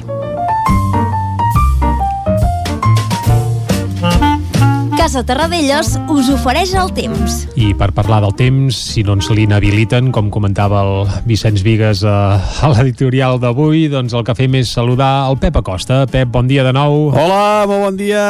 I avui sí que es nota ja molt, molt el, el vent de sud. El vent de sud sí que es nota, Fa sobretot amb les temperatures. caloreta. Mhm. Atenció, al prelitoral estem entre 12 i 14 graus, a la plana de Vic més de 10 graus i també diversos punts del Pirineu més de 10 graus. Uh, fa 3-4 dies, a aquestes hores, les temperatures mínimes baixaven dels 0 graus en moltes poblacions. Uh, vull dir, ja veieu eh, quin canvi de temps, quin canvi de situació meteorològica, com s'han disparat les temperatures degut a aquests vents de sud i que són provocats per aquesta enorme pertorbació que tenim a l'oest de la península Ibèrica, que està provocant molta pluja cap allà, cap a l'oest de la, de la península Ibèrica, Galícia, Portugal, eh, rebran gran quantitat de pluja, però a nosaltres no ens afectarà de manera directa. Els últims mapes diuen que no, que no vindrà, que no, no té ganes d'afectar-nos aquesta perturbació de ple. Ara, sí que, la, sí que ens aporta això, ens aporta aquests vents de sud i que fa que la temperatura s'hagi disparat literalment aquesta nit. Després, atenció, durant el dia, què ens aportarà aquesta pertorbació? Quins efectes tindrà? Aviam. Doncs més o menys com ahir. Atenció també al vent. Hi ha bufat a 80-90 km per hora el, cap a Uidater, a dalt de tot. A les zones més altes, sobretot del Pirineu, també del Pritoral, pot bufar moderat a fora del vent. 40, 50, 60, 70 km per hora i hem dit en pic superior a aquesta velocitat. Una mica més de núvols a vessant sud del Pirineu, eh, cap a zona del Montseny també més núvols, no es, no perdó, 4, 4 gotes, molt poca cosa, i unes temperatures eh, bastant semblants a les d'ahir o una mica més altes. Moltes gràcies, fins demà. Vinga, Pep, moltes gràcies a tu i ens quedem amb això, que pugen les temperatures i que sembla que no vindrà gaire aigua arran d'aquesta pertorbació que de moment afecta els, vaja, a l'oest de la península ibèrica. Ara una breu pausa i de seguida anem a l'entrevista. Casa Tarradellas us ha ofert aquest espai. Territori 17. Envia'ns les teves notes de veu per WhatsApp al 646 079 023. 646 079 023. WhatsApp Territori 17.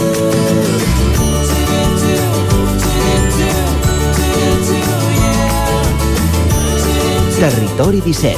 Som a Facebook, Twitter i Instagram amb l'usuari Territori 17.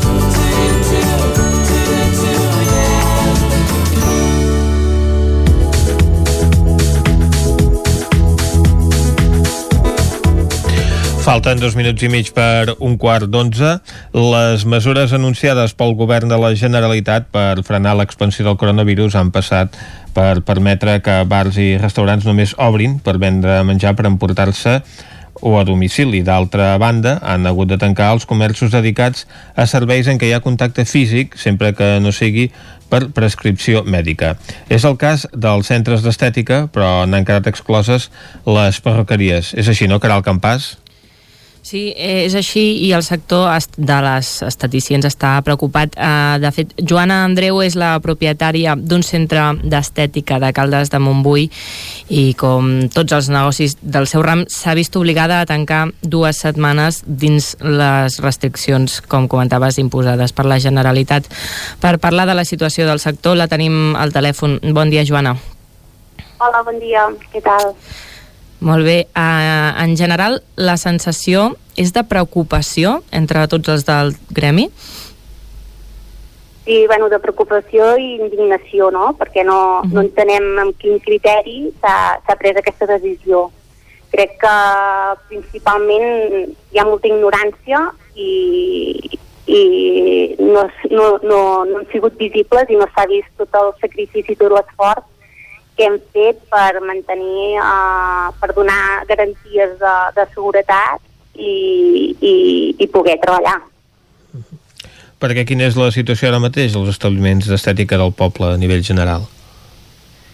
Bueno, doncs eh, ara mateix el que estem fent és intentant uh, moure a través del gremi, tenim un gremi una mica dèbil, de veritat, uh, però bueno, estem intentant de prendre les accions perquè perquè aquest gremi es faci fort i puguem uh, fer-nos veure davant de la Generalitat i poder fer-nos visibles i fer que es replantegin uh, pues, aquesta decisió.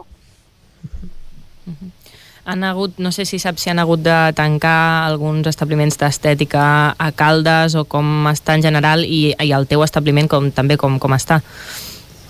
Sí, a veure, uh, després del confinament sí que mm, uh, tinc constància que van, han tancat tres centres d'estètica que ja directament ja no van obrir. Uh, i en el cas del meu negoci doncs uh, clar doncs, uh, la veritat és que al principi bueno, al principi al final hi ha, molt, hi ha hagut molt bona rebuda uh, les clientes confien en nosaltres. Eh, a més hem demostrat pues, això que hem mantingut a l'extrem les, higiènica, ai, les normes higièniques sanitàries establertes, que ens vam espavilar perquè ens van dir, podeu obrir mascareta i au, espavileu-se, no? I, I hem anat més enllà, ens hem informat a veure ben bé uh, com ho podíem fer de manera responsable i sí que és veritat que hem tingut molta feina, uh, és veritat que no consta de que hi hagi hagut cap tipus de contagi per, per culpa nostra, mm Uh, hem tingut molta feina, les clientes ens segueixen dient que, que és on, on s'han sentit més segures i que tampoc entenen uh, uh, això, aquest, aquest, aquest tancament.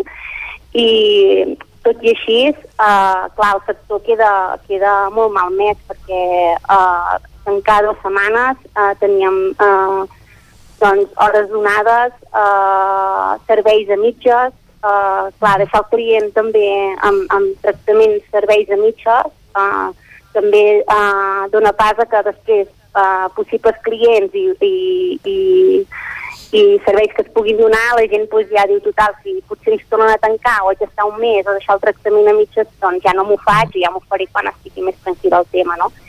I, i la veritat que, clar, la facturació, doncs, uh, ja, ja costava de, de mantenir i de, i de poder arribar a costos fixes que són molt elevats, doncs ara ja um, amb ingressos zero, amb facturació zero, doncs imagina't, no? Uh -huh.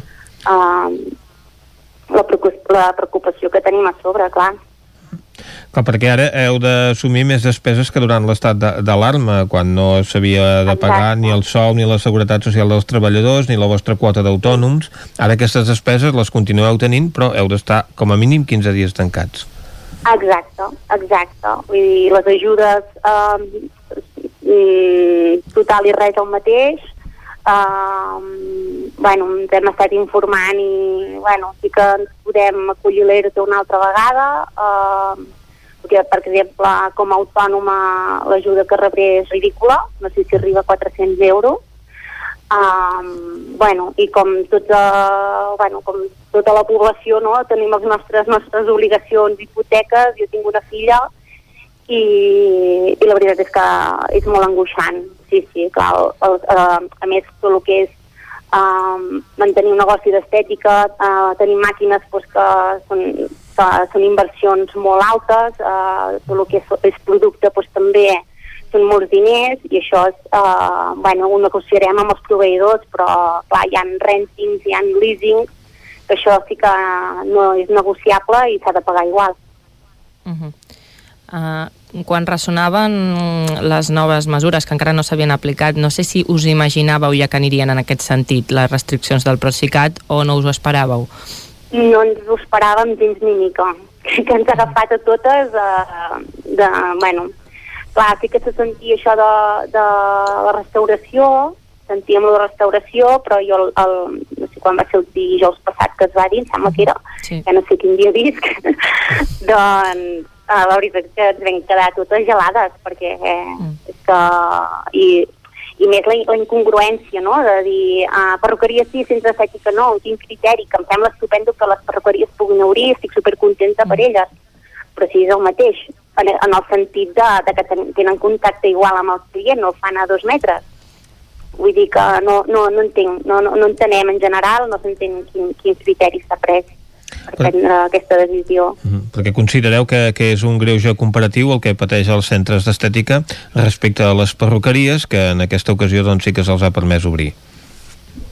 Sí, no, clar, uh, és com si se'ns posés el mateix sac de, d'espais on s'ha estat sense mascareta, quan uh -huh. um, el, que, el que nosaltres en tot moment hem anat amb mascaretes les 24 hores, uh, bueno, les 24 hores no, però les 8 hores que hem estat o 10 allà treballant, uh -huh. hem estat amb la mascareta posada, la quirúrgica a sobre, hem treballat amb guants, amb pantalles, uh, jo en el meu cas també vaig fer la inversió d'un biocida, d'una màquina d'aquestes que purifica l'aire i que s'ha demostrat que el Covid també l'elimina.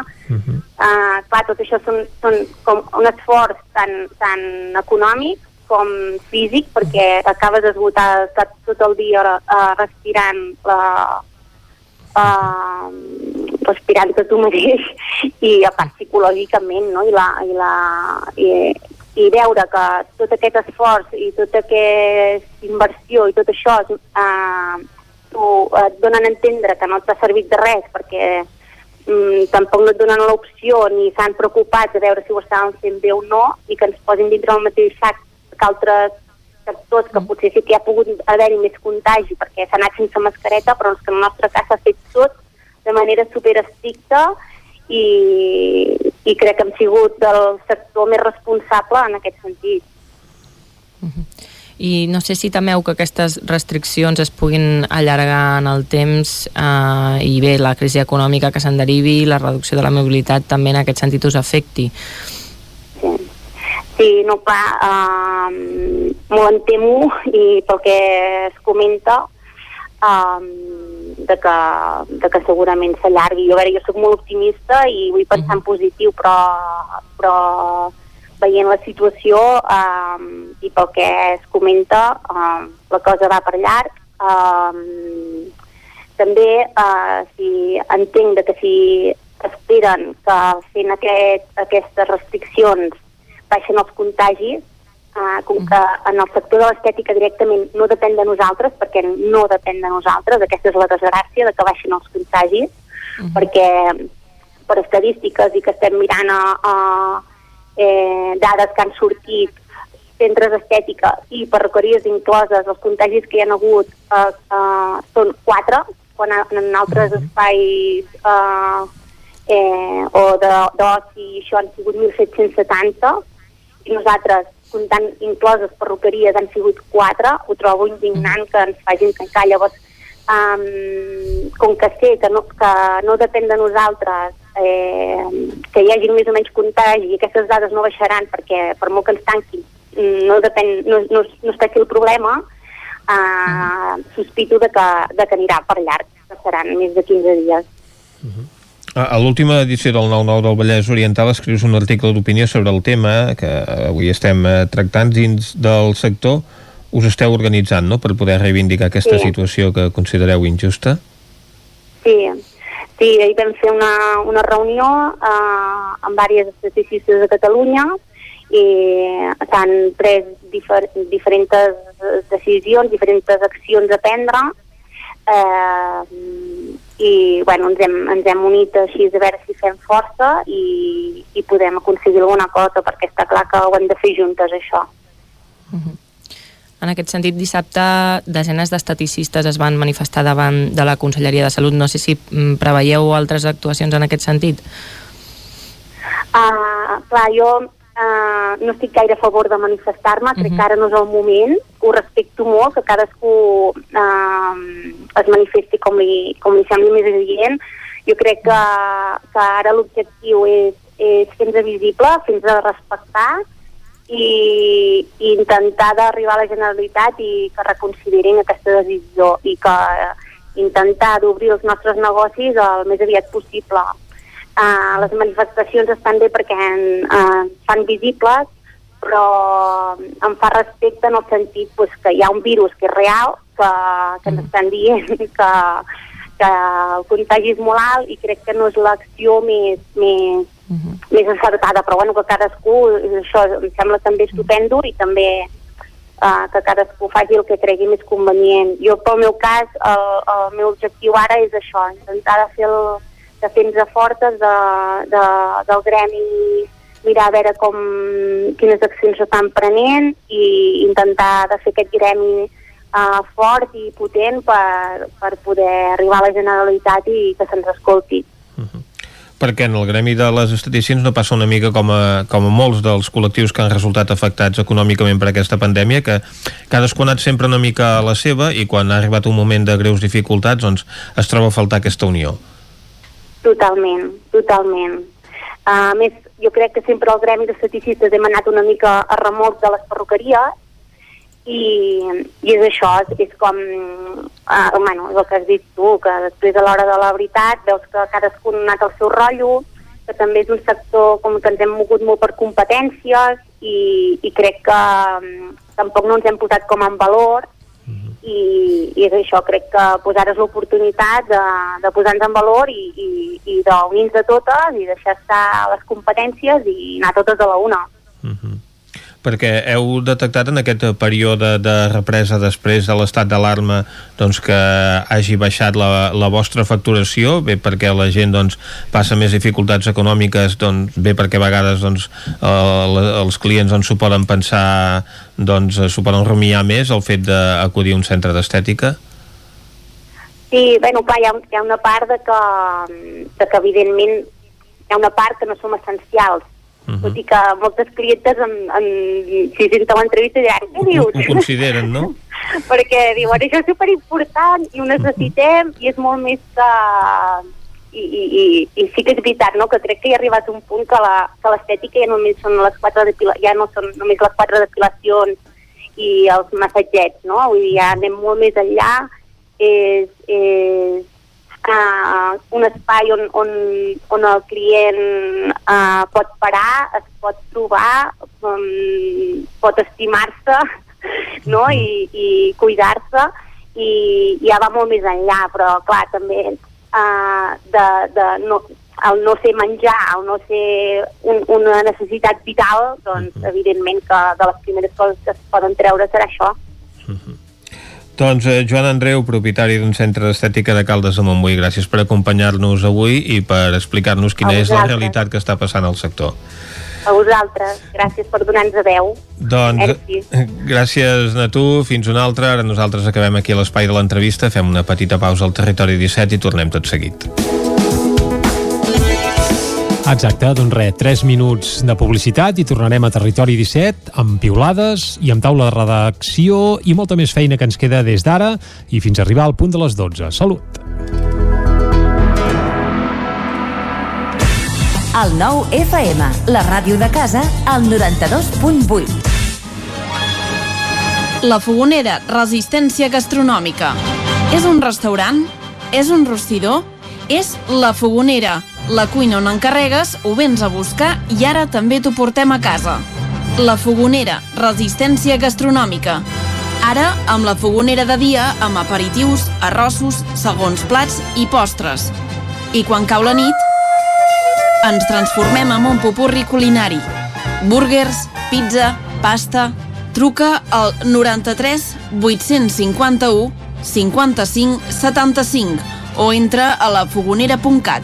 La Fogonera, el teu aliat gastronòmic. Només pensar en passar aquesta nit sense calefacció amb aquest fred? No es preocupi, hem analitzat a fons la caldera i de seguida quedarà reparada i en funcionament. Quan tingui un problema amb la seva caldera, vagi directament a la solució. Truqui sempre al servei tècnic oficial de Saunier Duval i despreocupis, perquè som fabricants i coneixem les nostres calderes peça a peça. Informis a Oficiat Nord trucant al 938860040. Saunier Duval, sempre al seu costat. Cocodril Club.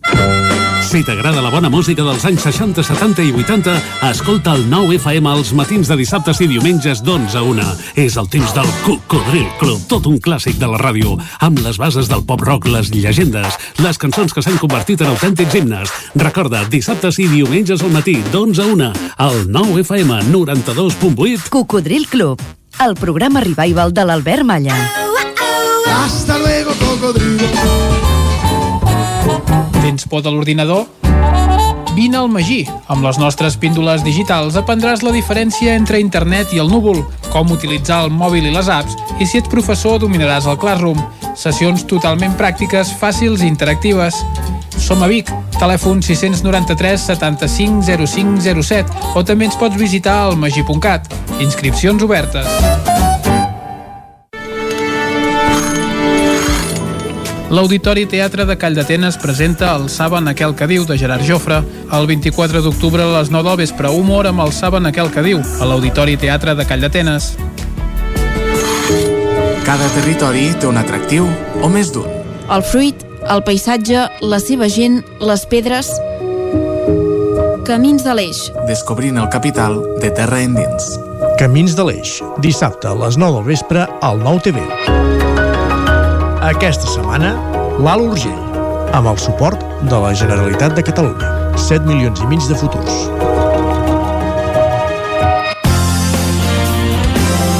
El 9 FM, la ràdio de casa, al 92.8.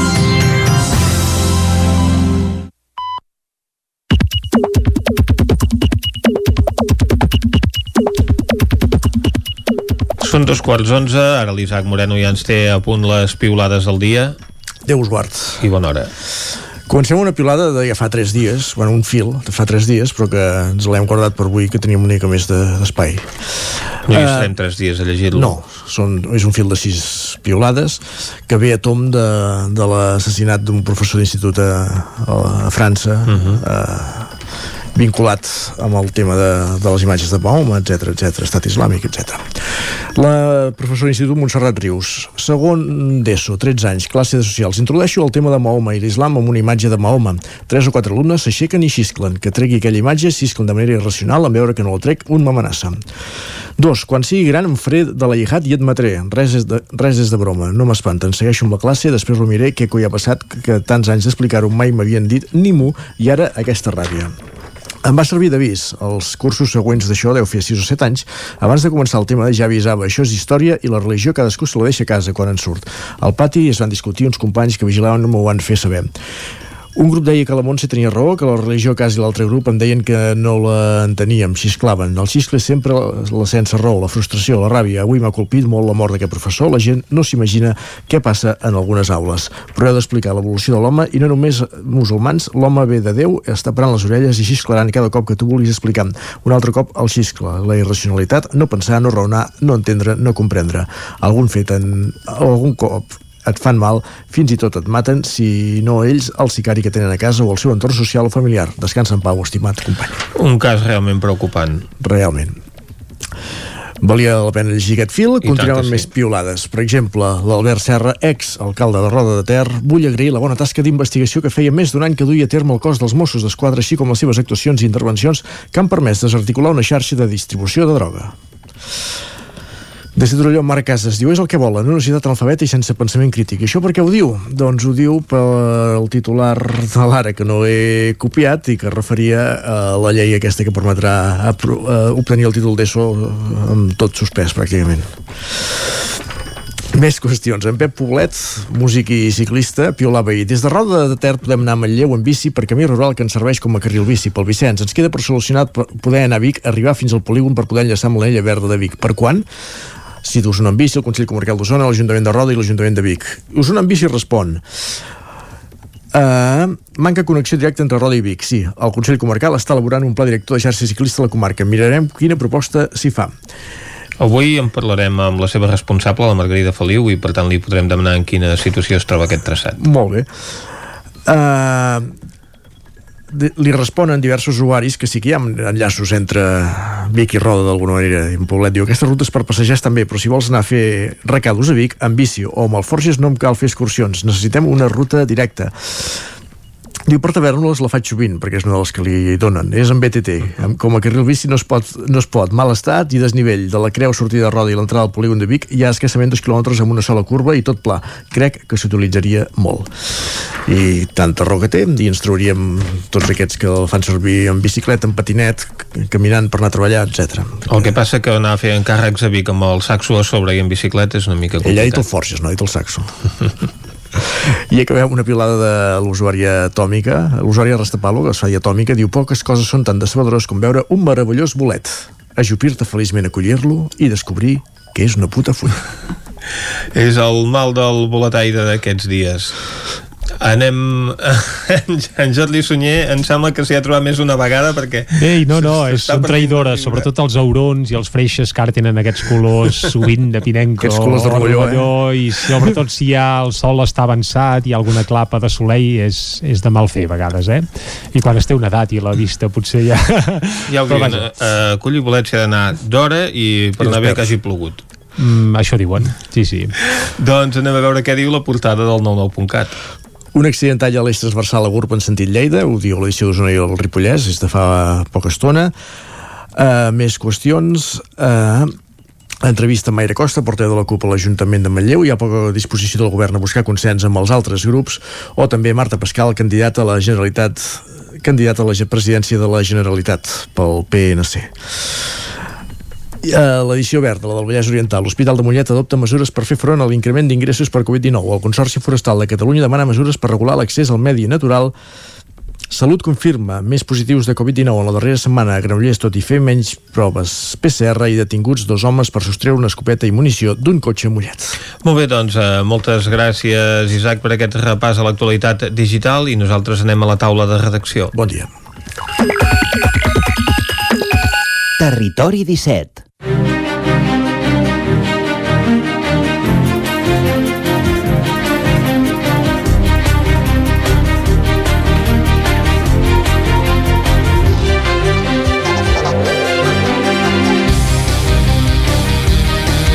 Una taula de redacció que avui ve encapçalada per una notícia d'última hora, us l'hem comentat a les 10, l'eix transversal està tallat a GURB a conseqüència d'un camió que ha volcat en direcció a Lleida, ens aporta l'última hora la Natàlia Peix.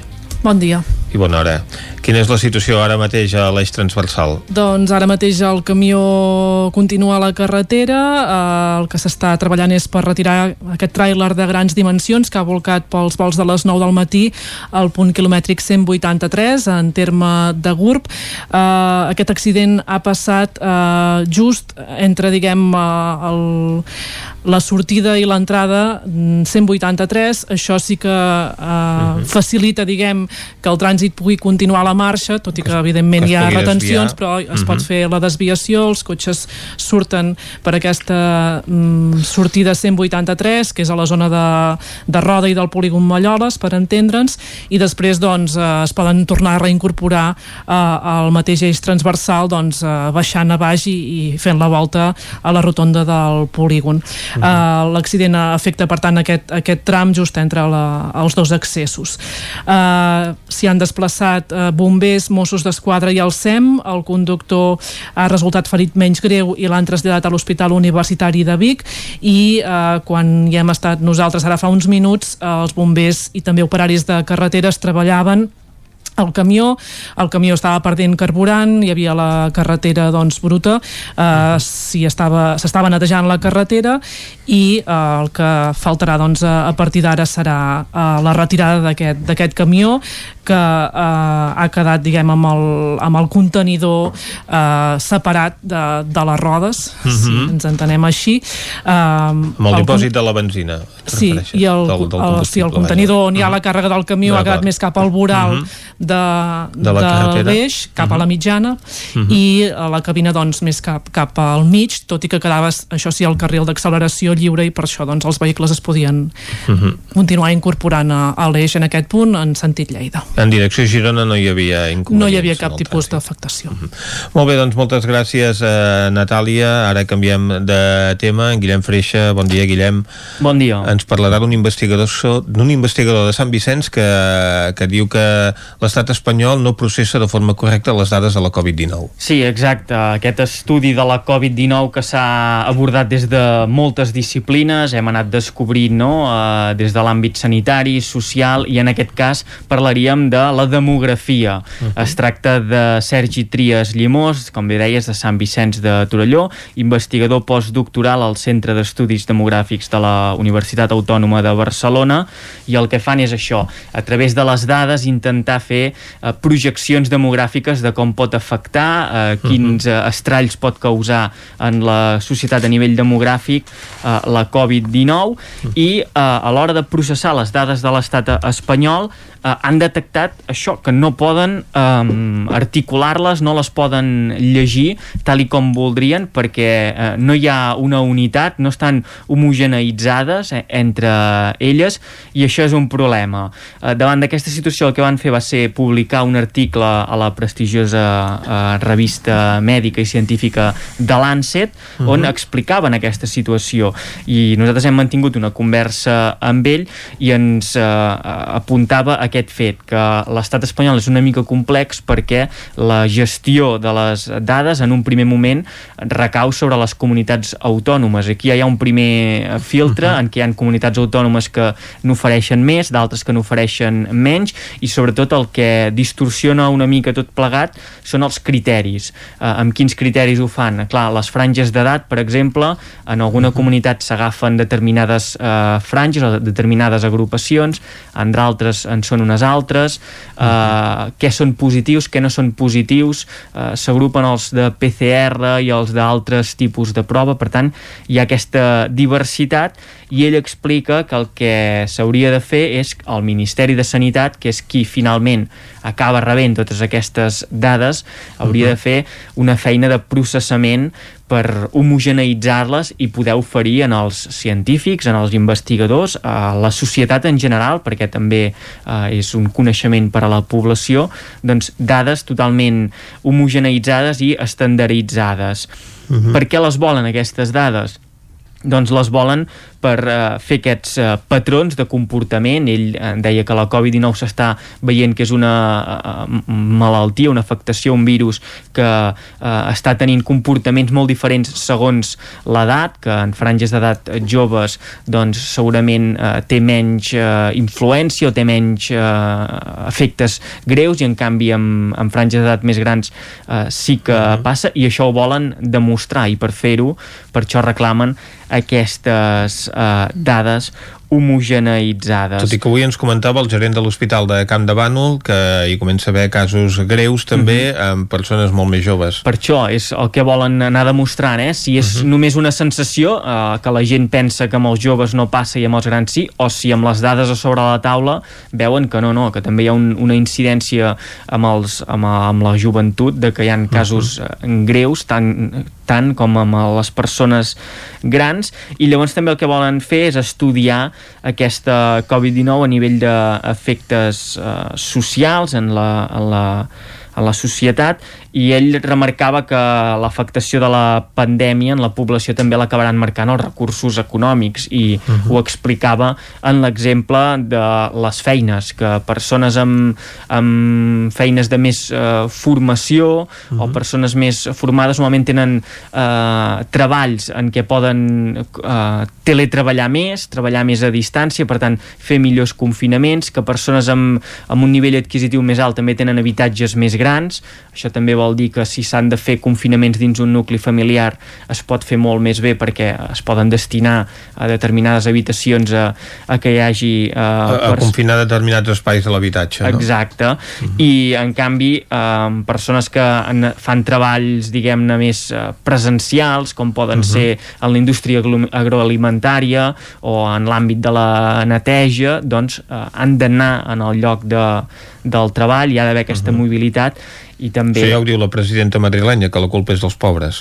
No, clar, això no seria, no seria ella, això. Ella ho diu així. No? Ella ho diu així, però no seria o, o la lectura que va fer manera, no? Sergi Trias Llimós. Eh? I, I ell parlava, sí, ell sí. parlava d'un concepte que és uh, l'alfabetització sanitària, que també hi té influència, no? La població que, que té uns coneixements, que s'ha informat, que mm. ha, ha adquirit uh, tots aquests missatges de, des de les autoritats sanitàries i altra població que potser pel motiu que sigui, perquè no li ha arribat, perquè la manera en què s'ha transmès no ha sigut la correcta, no, no, no l'ha adquirit i no l'està duent a, a terme. Com dèiem això, eh, uh, la tesi o la, la idea que volia que ens quedéssim Sergi Trias Llimós és que el Ministeri de Sanitat hauria d'homogeneitzar les dades que porten les comunitats autònomes i d'aquesta manera doncs, poder treballar bé amb aquestes dades de, de la Covid-19. Uh -huh. Molt bé, doncs gràcies eh, Guillem, gràcies també a la Natàlia Peix, són els que ens han acompanyat a la taula de redacció d'avui.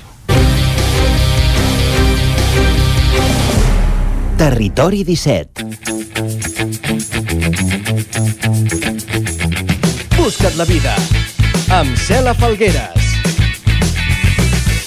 Doncs després de la taula de redacció, Vicenç, som dimarts i això vol dir que hem de saludar la Txela Falgueres amb el Buscat la Vida.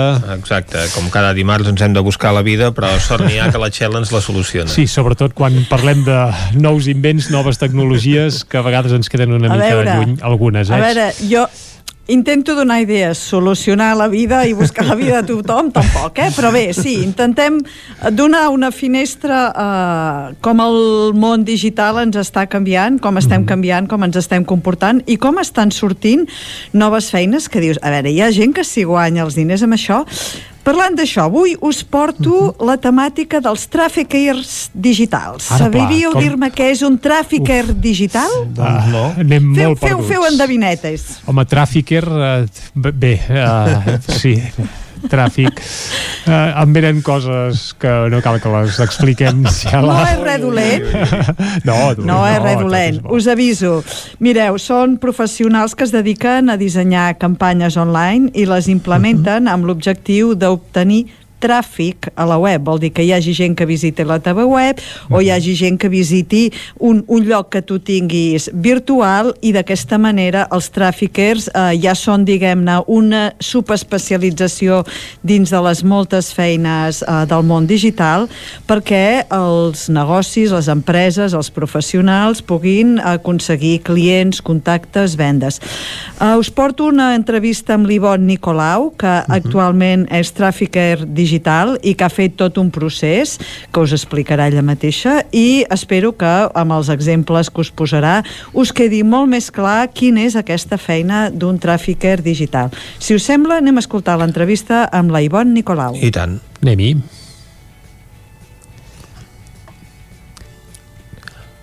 Doncs vinga una mica de problema amb el, amb el tràfic digital de l'entrevista, però no pateixis que ara mateix Vinga, el podem escoltar. Vinga, que ja tenim aquí l'equip tècnic a punt per llançar l'àudio, espero que és sí. consultora social media. Ja hi som. Avui ens trobem amb la Ivonne Nicolau, que segons el seu Instagram és consultora social media, tràficker digital i moltes altres coses. Moltes gràcies, Ivonne, per estar aquí amb nosaltres avui. Moltes gràcies a tu, Sheila. Un plaer estar aquí. A part del que diu el teu Instagram, Ivonne, com et definiries? Qui és la Ivonne Nicolau? Ui, la Ivonne Nicolau a, a, és, és una caixa de molts colors, eh, plena de colors. Una frase que, que em definiria, jo em quedaria amb, amb la passió, o sigui, la passió és el meu motor, la passió. O sigui, soc una persona molt passional i jo amb passió faig tot a la vida. Aquesta sóc jo. Sí, però fas tot, però estàs a la cresta de l'onada, perquè tu no pares de passar de feines que són l'últim de l'últim a l'últim de lo més últim, no? Perquè tu vas començar siguent social media i ara ets tràfiquer. Explica'ns Sí. una mica què era, què feies quan eres social media, que ja en aquell moment era una feina molt novedosa, i què és un tràfiquer ara? Explica'ns aquest, aquest pas. pues mira, jo, uh, sí, anteriorment el que feia bàsicament era community manager. Portava diferents projectes, eh, gestionava diferents xarxes socials d'empreses de, de sectors molt variats i, i jo portava, portava aquesta gestió, o sigui, des de la creació de continguts, no, la creació de l'estratègia, la, la, la publicació dels continguts, tot el seguiment, eh, moure el que és la comunitat i, i tota aquesta feina no? que, que comporta el, el community management. I, bueno, i ara, ara mm, el que faig és, sí, treballo a les xarxes socials, però és una feina, el, el tema del tràfic digital, és una feina que va totalment focalitzada a ajudar els negocis a aconseguir clients. He, he donat un pas més i ara és el focus és no genero només contingut per crear aquesta comunitat i, aquest, i treballar aquest branding que és necessari, sinó donar un pas més per dir, ara t'ajudo a que els clients vinguin al teu negoci, no? que el trobin.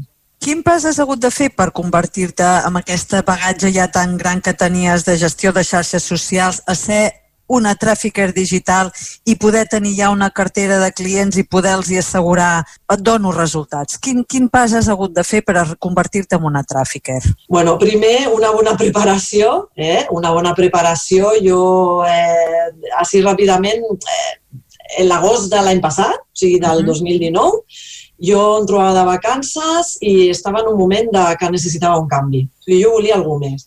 Jo no volia només treballar com a community manager, sinó donar resultats als meus clients. I bueno, vaig veure, vaig veure l'email de Roberto Gamboa. Ell és expert en publicitat, en aconseguir resultats a través de Facebook i Instagram als clients, a través de la publicitat. I jo vaig veure aquesta informació i me vaig quedar, me, me va arribar en el millor moment, no? En, en, estava en un moment de tranquil·litat, de pau, i vaig dir, ui, doncs això és el que vull. I llavors pues, eh, vaig, vaig eh, llançar-me a la piscina i vaig eh, fer aquest màster, aquest màster com a tràfiquer digital en l'Institut de Tràfic, a Tràfic Online. I bueno, puc dir que ha sigut una experiència fantàstica i una muntanya russa alhora, perquè és, és una experiència molt maca com a persona. És, és una mica de vegades difícil d'explicar, no? És una experiència d'aprenentatge tant interior com d'aprenentatge eh, tècnic i formatiu. I llavors pues, és molta feina, molta constància,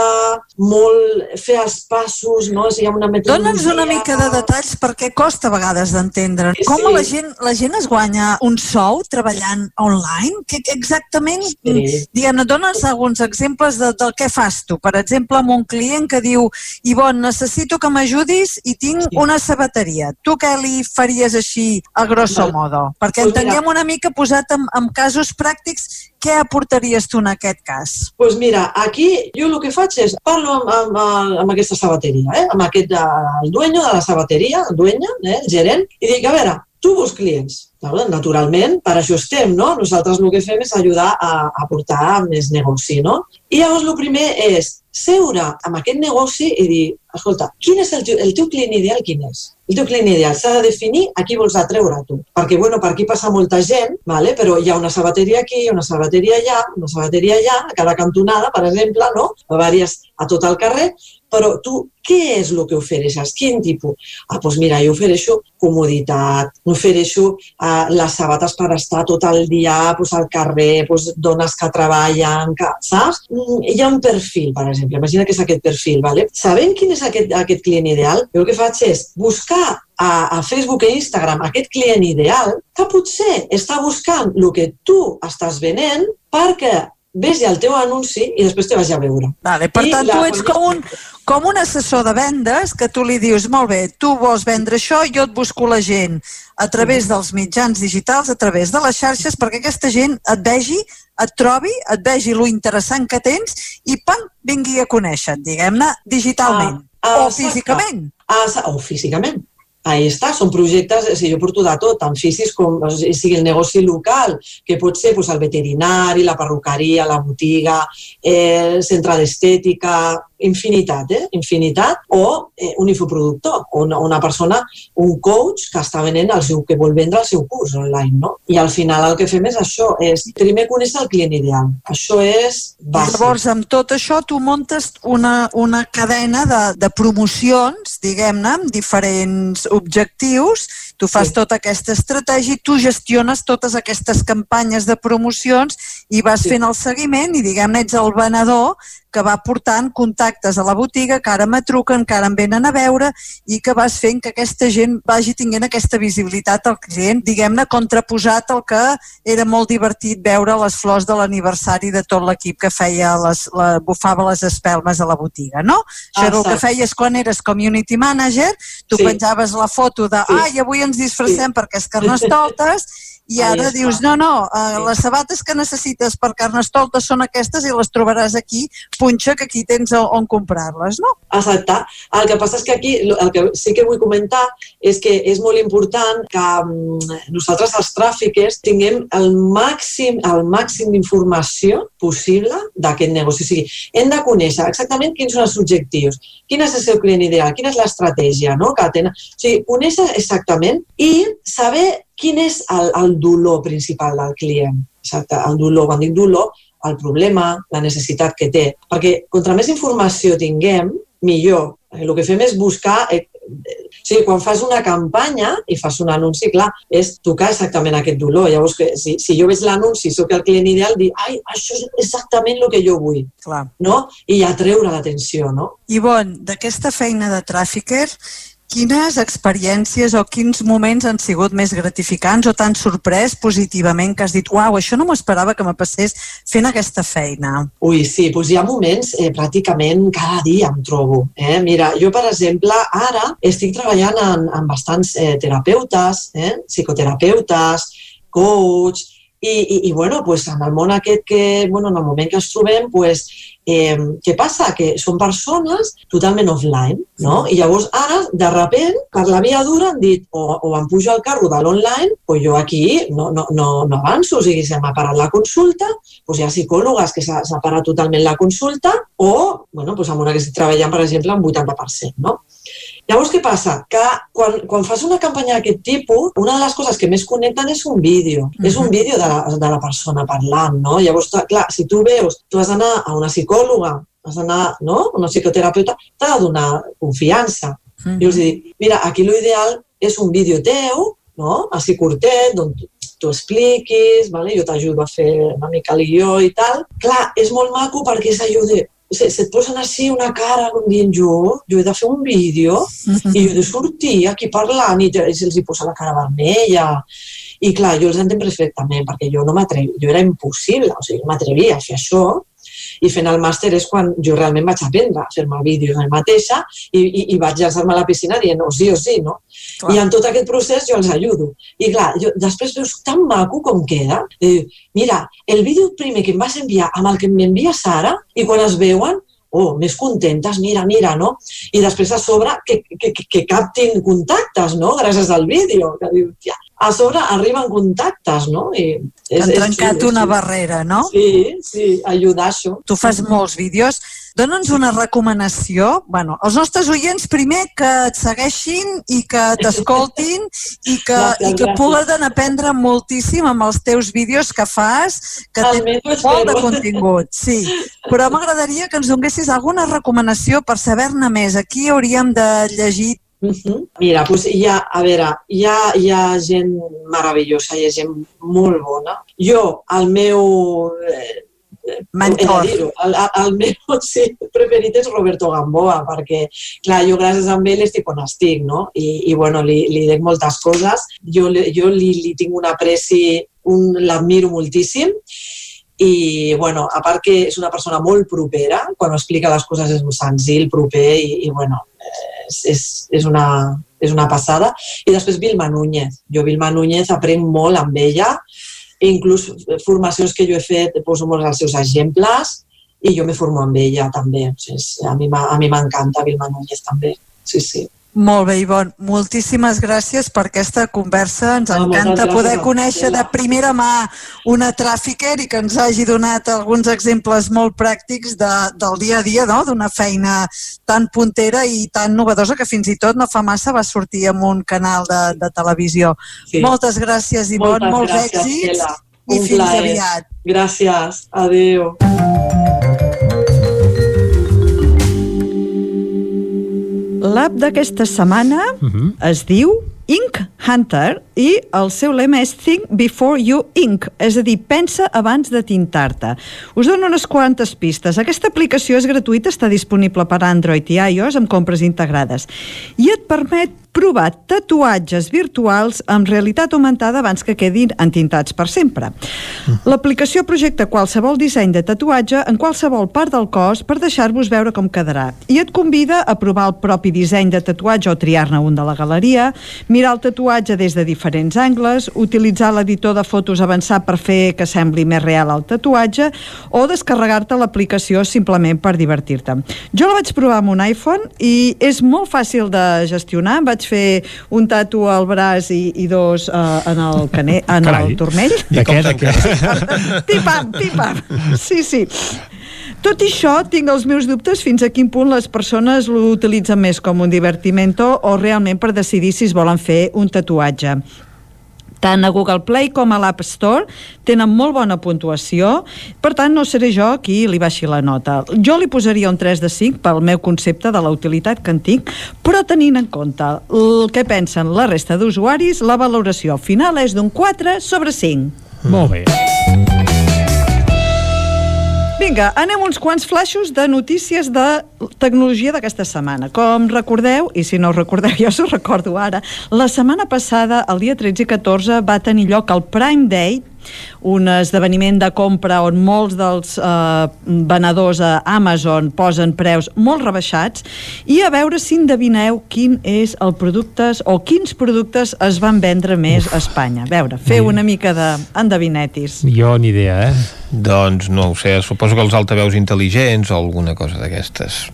Doncs una cosa molt més banal. Els productes més venuts a Espanya van ser el detergent Finish Powerball All-in-One Oh. Max, sí, L'Oreal Paris. Men Expert, L'Oreal Paris Men Expert, un hidratant diari, una, una crema hidratant per, a- per als homes, Carai. que no sé per què hem de tenir cremes hidratants per homes i dones, però bueno, és igual. Podríem anar tipus de pell, però hem de fer homes i dones.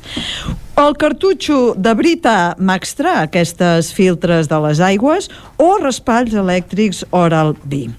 En resum, aquest Prime Day ha estat un increment de gairebé el 60% respecte de l'any passat, no ens estranya, i ha tingut una facturació sense precedents que supera els 2.980 milions d'euros en els 19 països en els que va tenir lloc aquesta jornada online. Déu-n'hi-do.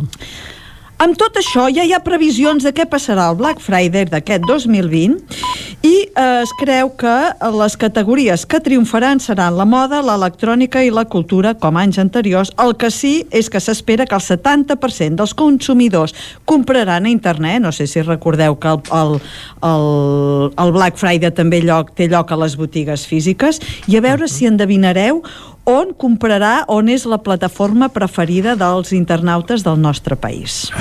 Ni idea. Amazon. Amazon.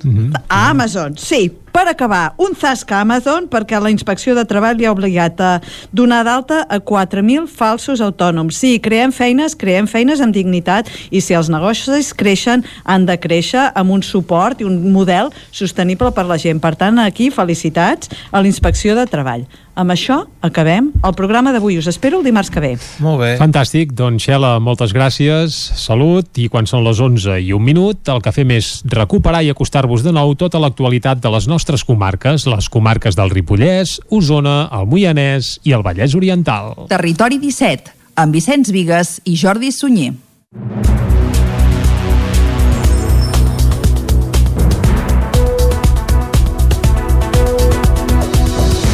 A Osona la situació epidemiològica no millora. Preocupen sobretot les dades de Vic i Manlleu.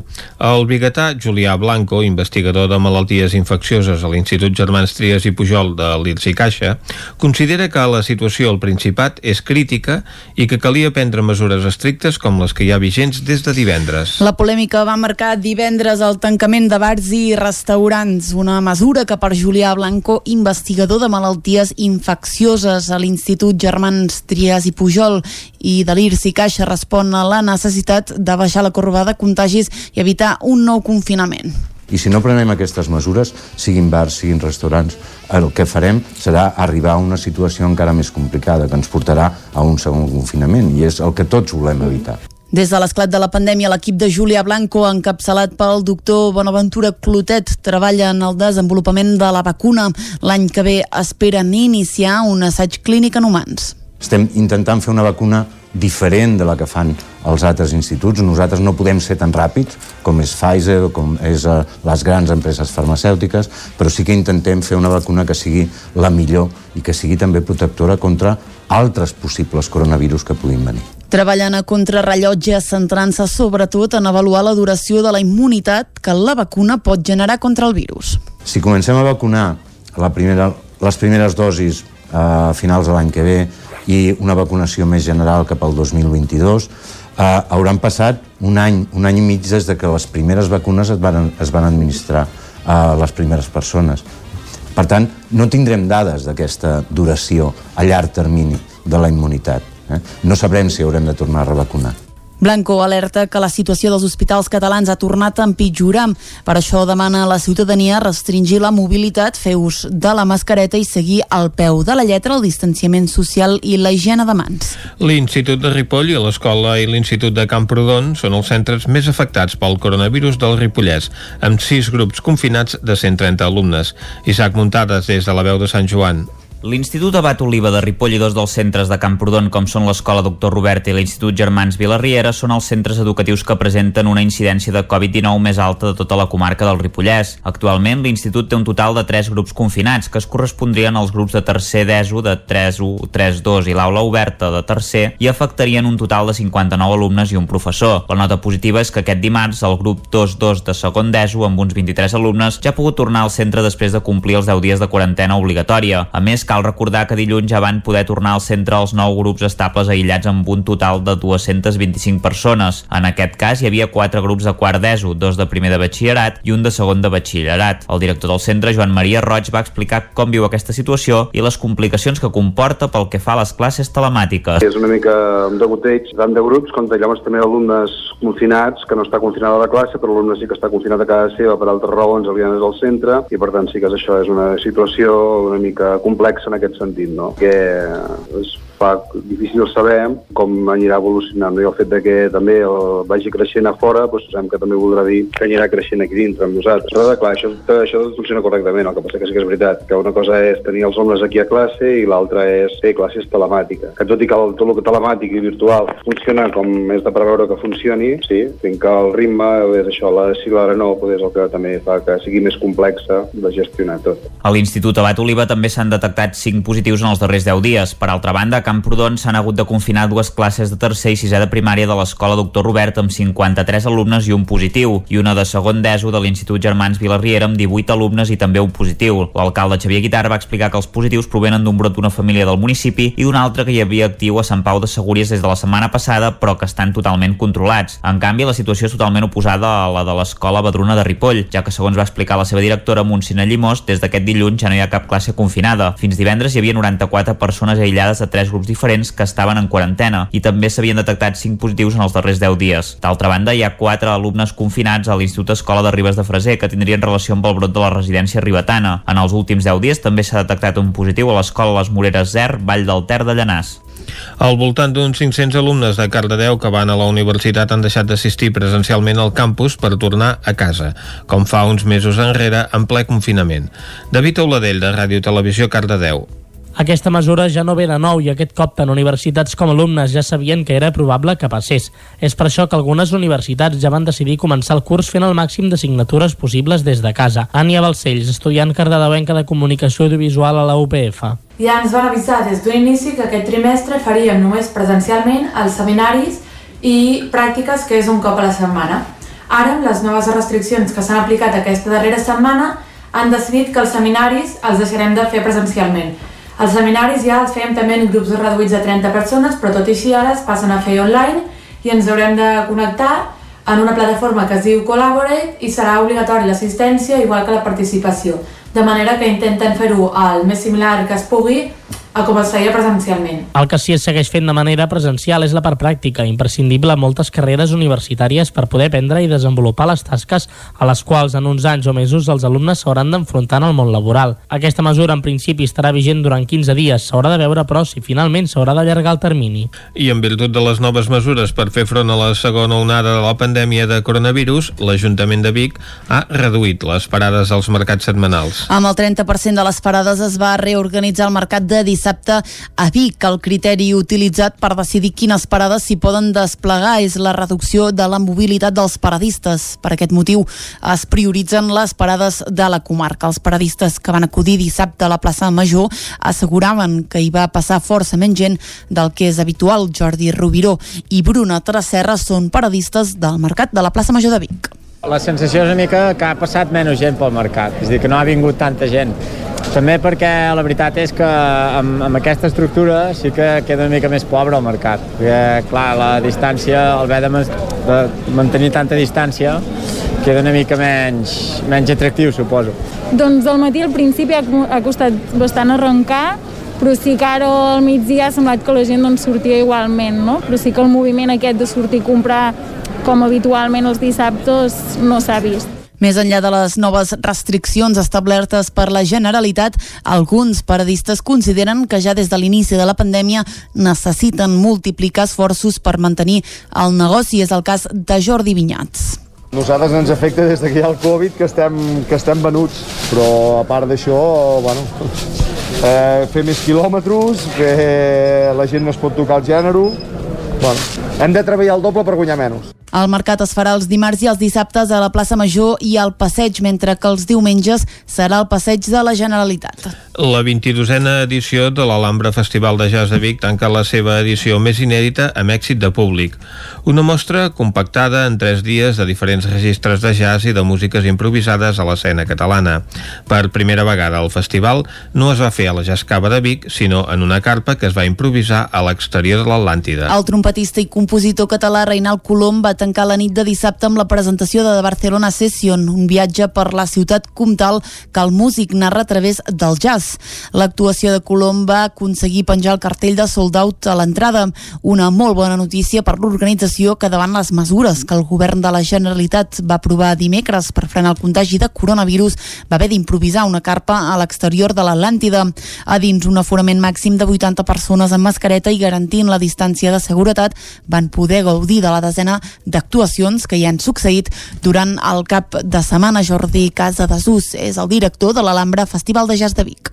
Ha sigut eh, complicat, ja tenim el festival programat per al maig, es va haver de posposar, però bueno, normalment nosaltres fem dos caps de setmanes, eh, hem hagut d'adaptar-nos a la nova situació, el no poder-ho fer la Jascava i el nostre espai, diguem-ne, zona de confort, hem hagut de trobar la solució per poder-lo fer, al final la solució millor que se'ns va acudir i que ens ha semblat més correcte era doncs això, muntar una carpa aquí, amb un espai diguem ampli, amb l'aforament d'això de 80 persones, amb espai i podent prendre totes les mesures diguem-ne per, per, no, per la propagació del Covid. Per l'escenari del festival hi van passar, entre d'altres, Los Aurora, el projecte Astrolabi, encapçalat pel guitarrista usonenc Guillem Plana, el duet format per Sergi Sirvent i David Vinyoles.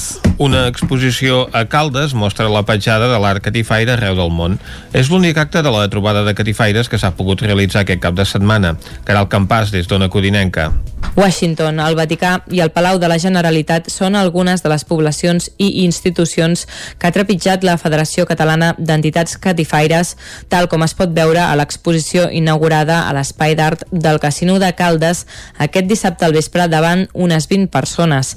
Aquesta és una de les dues activitats que s'ha pogut salvar del que en un principi havia de ser la quinzena trobada d'aquesta entitat, ja que les noves mesures aprovades per la Generalitat van precipitar la decisió d'anul·lar-la. A la inauguració hi van assistir diverses personalitats com ara la delegada del Departament de Cultura Maria Àngels Torres. Vam començar amb un congrés, recordo que va ser molt important que es va liderar des d'aquí per situar les catifes en l'àmbit de l'art com a art efímer. Aquest és el primer pilar de la construcció del que esteu fent ara i que l'esteu situant a la UNESCO. Alhora s'hi van fer presents representants d'algunes de les entitats que conformen la federació. La mostra fotogràfica recull imatges de les catifes creades a totes les poblacions que en formen part, entre les quals hi ha Arbúcies, Badalona o la Garriga. També es mostren els treballs fets conjuntament, molts per mostres internacionals. L'altra activitat prevista que es va mantenir va ser l'assemblea ordinària de la federació, que es va celebrar de forma telemàtica. Allà es van presentar els nous socis i es va informar sobre el projecte del 2020. De les 67 activitats previstes se n'han anul·lat 24 i des de l'organització esperen poder-ne recuperar alguna. També es va aprovar el nomenament de la secretària a càrrec de Núria Carbonell i Massip, representant del foment de Sitges. Al mateix temps van informar sobre l'estat dels comptes i els projectes del 2021, concretament la UNESCO, on volen entrar com a patrimoni mundial. I fins aquí el butlletí de notícies de les 11 que us hem ofert amb les veus de Vicenç Vigues, Clàudia Dinarès, David Auladell, Caral Campàs i Isaac Muntades. I ara, abans de recordar el temps que ens espera per a les properes hores, Vicenç, sembla que hi ha novetats en l'accident del qual us hem informat a uh, l'eix transversal, el, més o menys en terme municipal de Gurb, oi? Exacte, perquè ja s'ha reobert a la circulació un dels carrils de l'eix transversal en direcció a Lleida, on recordem que a les 9 del matí hi ha volcat un camió provocant el tall de la via en aquest eh, sentit, tot i això encara doncs, hi ha un quilòmetre de cua en aquest tram de la C25 a Gurb. Recordem que el conductor del camió accidentat ha estat traslladat a l'Hospital Universitari en situació menys greu. Doncs fet aquest apunt i aquesta actualització de l'incident que hi ha hagut aquest matí a l'eix transversal a l'alçada de Gurb, el que toca ara és recuperar i saber de nou el temps que ens espera per a les properes hores. Casa Terradellos us ofereix el temps. Per parlar del temps, ara sí, el que fem és saludar altra vegada el Pep Acosta. Vinga, Pep, bon dia. Hola, molt bon dia. I bona hora. I avui sí que es nota ja molt, molt el, el vent de sud. El vent de sud sí que es nota, sobretot amb les temperatures. Atenció, al peritoral estem entre 12 i 14 graus, a la plana de Vic més de 10 graus i també diversos punts del Pirineu més de 10 graus. Uh, fa 3-4 dies, a aquestes hores, les temperatures mínimes baixaven dels 0 graus en moltes poblacions. Uh, vull dir, ja veieu eh, quin canvi de temps, quin canvi de situació meteorològica, com s'han disparat les temperatures degut a aquests vents de sud i que són provocats per aquesta enorme pertorbació que tenim a l'oest de la península Ibèrica, que està provocant molta pluja cap allà, cap a l'oest de la, de la península Ibèrica, Galícia, Portugal, eh, rebran gran quantitat de pluja, però a nosaltres no ens afectarà de manera directa. Els últims mapes diuen que no, que no vindrà, que no, no té no? ganes d'afectar-nos aquesta perturbació de ple.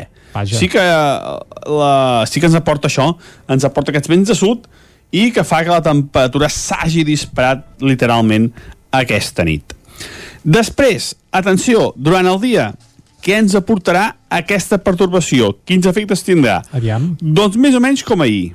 Atenció també al vent. Hi ha bufat a 80-90 km per hora el cap de Ter, a dalt de tot. A les zones més altes, sobretot del Pirineu, també del Pritoral, pot bufar moderat a fora del vent. 40, 50, 60, 70 km per hora i hem dit en pic superior a aquesta velocitat. Una mica més de núvols a vessant sud del Pirineu, cap a zona del Montseny també més núvols, no es, descuart, no es descarten, perdó, quatre, quatre gotes, molt poca cosa, uh -huh. i unes temperatures bastant semblants a les d'ahir o una mica més altes. Moltes gràcies, fins Vinga, demà. Gràcies, Pep. Uh, Vicenç, ja ho veus, temperatures de bonança, sense gaire fred, però sembla que tampoc vindrà gaire aigua. Doncs bé, ja, ja ens conformem. Molt bé. Sent a l'octubre amb aquesta temperatura està prou bé. I tant que sí.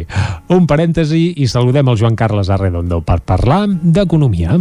Casa Tarradellas us ha ofert aquest espai.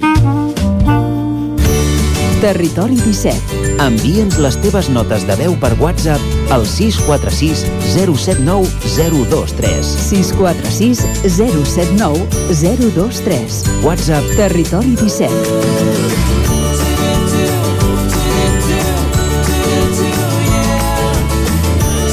Territori 17.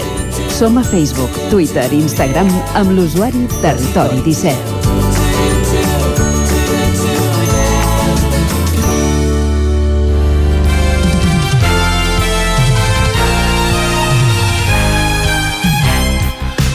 Ara, quan passen eh, dos minuts, un quart de dotze, és l'hora de parlar d'economia com cada dimarts i com cada dimarts amb en Joan Carles Arredondo, que és qui ens acompanya. Bon dia, Joan Carles. Bon dia. Escolta, per, per desitjar-te bon dia et cobro un euro de comissió. Faig com els bancs, jo. Què et Sí, sembla? sí, això seria... Això, la, la cosa aniria per aquí, eh? Ara, ara explicarem una mica intentarem fer una mica un, també un paral·lelisme eh, amb, amb Mhm. aquestes coses que estan fent els bancs amb, perquè realment hi ha alguna, hi ha alguna cosa que és perllogàrica d'elles. Home, aquests últims dies tots porten bones noves als seus clients, no? Sí, sí, sí, qui més qui menys ja, ja deu haver rebut eh, la notificació, ja en plan la parte contratante, la primera part eh, de, de la pel·lícula de, dels germans Marx. Um, això, eh, eh, els grans bancs, que, cada vegada en són menys, per cert, i, i això I també pot vegada més influir grans? i això també pot influir en, en que estigui passant aquesta situació, um, doncs um, també està passant que estem ben a prop que aquests bancs presentin els, els resultats de, del tercer trimestre. Uh -huh.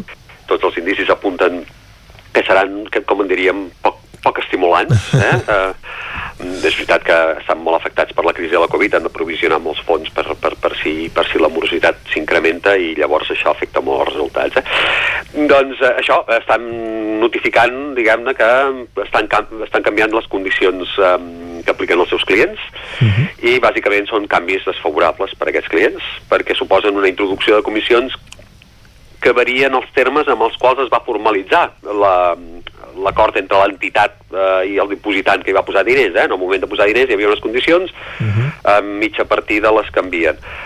Mm, no és agosarat assenyalar que la banca aprofita una posició dominant, entre altres motius perquè les entitats regulador, reguladores, ja ho diré, eh, que haurien d'actuar com a àrbitres, eh, tenen una tendència, almenys en aparença, eh, de, a mirar cap a una altra banda quan no esperonar-lo, eh? perquè hi ha hagut alguns informes del Banc d'Espanya que gairebé ho esperonaven. Uh Qui més qui menys ja ho ha d'haver rebut, eh? aquesta, aquesta mm, missiva, eh? Sí, sí, una, una notificació que canvien les condicions, no? Sí, informa als clients que, el, que, hi ha hagut, que hi ha canvis en el règim de comissions.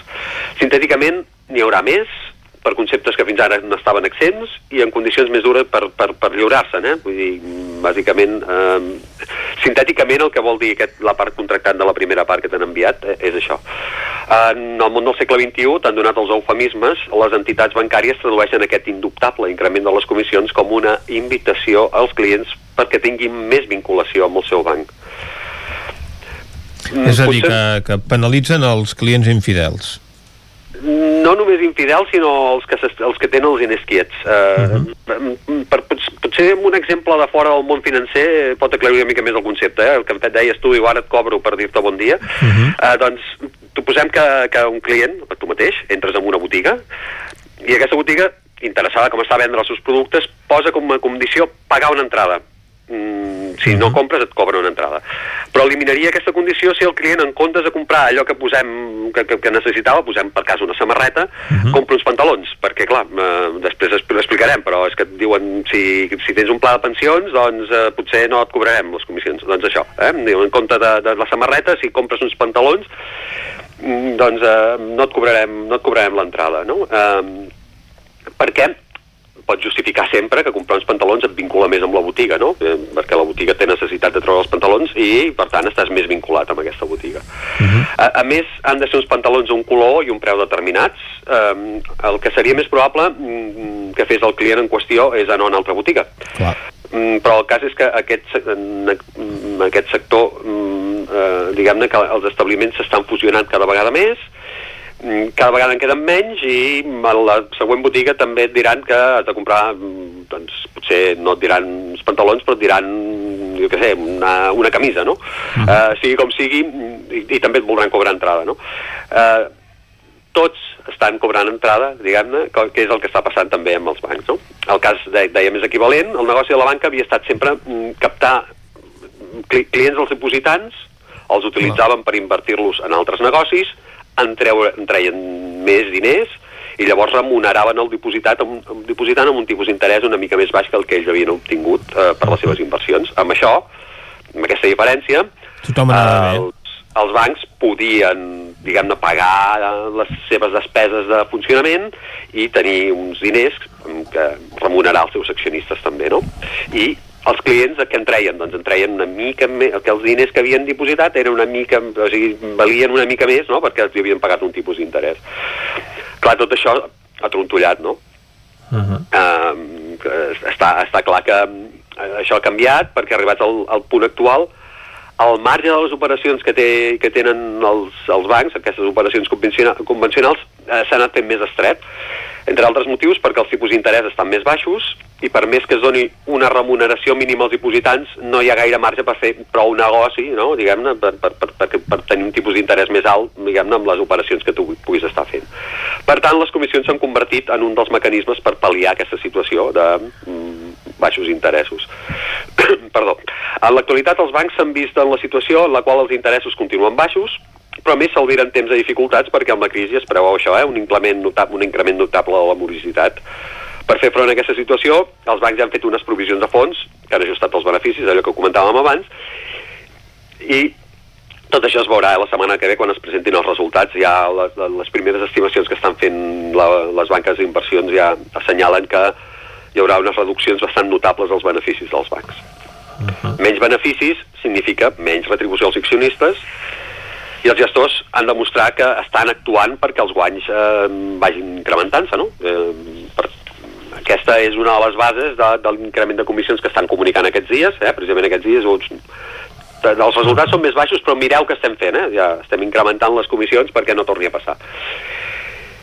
També un altre efecte col·lateral de tot això eh, són aquestes fusions eh, que, que estem veient, aquesta de Bankia i CaixaBank tan comentada, però en vindran més, eh? eh en vindran més, atenció a Unicaja i Liberbank en els propers dies, o el que pugui fer el Sabadell, si és menjat pel BBVA o si es menja Cuixabank. Aquí, aquí està el dubte eh, de, del que passarà amb, amb el Sabadell. Eh? Uh -huh.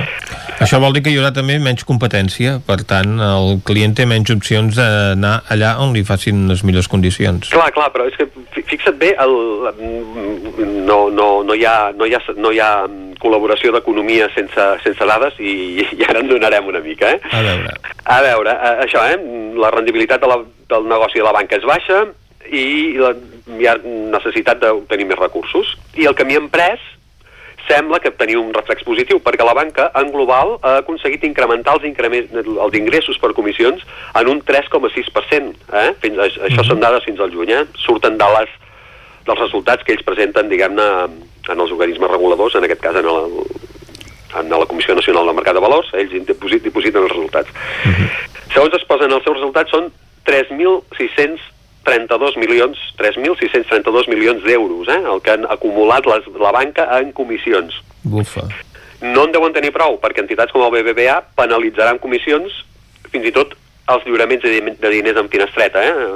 i això, diguem-ne, que és una penalització mm, que afecta sobretot els clients de més edat, eh? més acostumats a treure els diners en finestreta i tot això, i, tenen, i que tenen dificultats per operar amb caixers i més encara per internet. Eh? Eh, Això és una mica complicat. Per tant, efectivament, la banca té per davant, a més, el repte, a més, el repte del canvi, del canvi tecnològic, que molt probablement variarà intensament els models de pagament. Eh? Ja sabem eh, que existeixen aplicacions com PayPal, com, com, com Visum, o farà emergir nous operadors financers s'està parlant sempre que Google o Amazon acabaran caient en la tan comentada temptació de, de, de fer aquest salt per, per fer negoci financer. De fet, en 10 anys, la banca ha passat de controlar el 96% del negoci bancari i de pagaments mundial uh -huh. a controlar-la ara al 73%. Això són dades del The Economist. L'espiral de comissions no sembla ser la millor targeta de presentació per la banca en aquesta competició eh, que, que s'intueix per als propers anys amb aquests operadors tecnològics. No tinc molt clar, no, i, molts experts, més, més, que l'opinió que pugui tenir jo, és la, la que puguin tenir els experts, que eh, a pujar les comissions sigui posar-se en les millors condicions per, per afrontar, diguem-ne, aquest, aquesta confrontació que s'alvira amb, amb aquests operadors tecnològics. Um, ja està, només és un avís per navegants. No, no, no faig jo, ho fan experts. Eh? Uh -huh doncs haurem d'estar a la guait, no? a veure què passa en aquest eh, sector, si els clients continuen sortint perjudicats, si la nova entrada doncs, al sector financer d'altres operadores doncs, pot fer canviar les regles del joc. Gràcies, Joan Carles. A vosaltres, bon dia. Uh, ho has fet també que et perdono la comissió i ara el que farem nosaltres és doncs fer una pausa de publicitat, que això també és el que ens interessa en matèria econòmica. I després tornarem amb Descobrint Catalunya, uh, passarem per la R3 i acabarem parlant de medi ambient. Fins ara.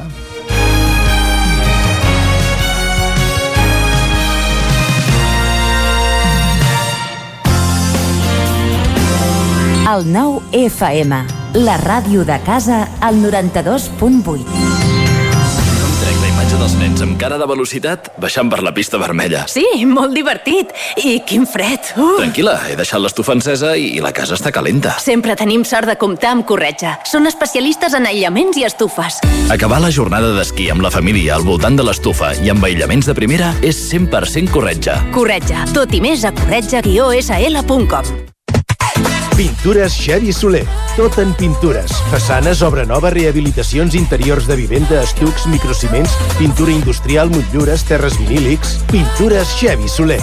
Ens agrada assessorar-vos i fer de casa vostra el millor lloc del món.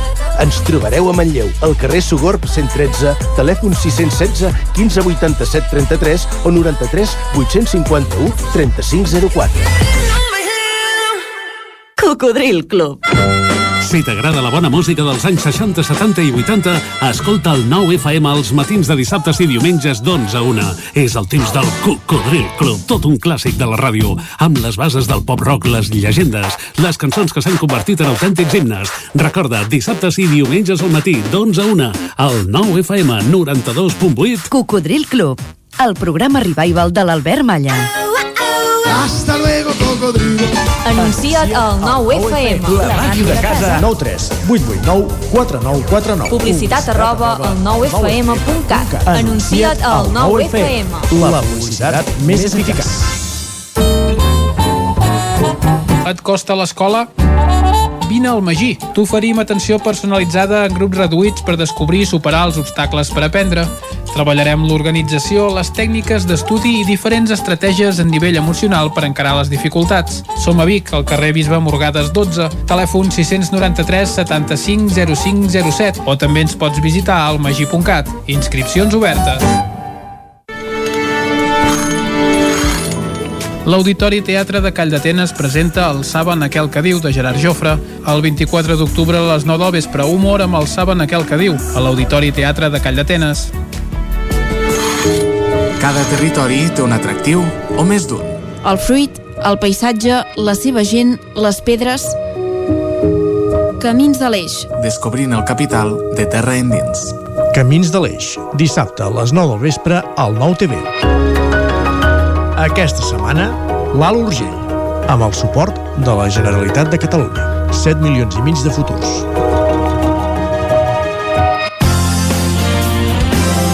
El 9 FM, la ràdio de casa al 92.8.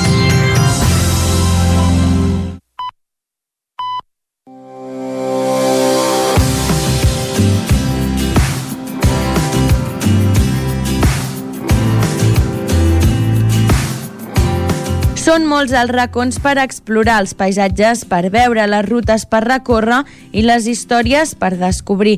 A continuació us proposo saber més coses de la riquesa natural de la comarca de la Selva. Aquesta setmana descobrirem des de passejades i excursions com les que pots fer al Parc Natural del Montseny o pels boscos de les Guilleries, fins a visites en espais d'interès natural com el volcà de la Crosa o l'estany de Sils. Tots aquests plans t'activaran els cinc sentits i sobretot et permetran omplir d'aire pur els pulmons, tot gaudint de la calma, la tranquil·litat i el relax del seu entorn. Comencem amb el massís de Cadiretes, un conjunt de muntanyes compartides amb la comarca del Gironès i el Baix Empordà, on destaca el Puig de Cadiretes, just al límit de la comarca entre el Gironès i la Selva. Es troba dins els termes municipals de Tosa de Mar i Caldes de Malavella, en el cas de la comarca de la Selva, i és una zona idònia pels amants de la bicicleta.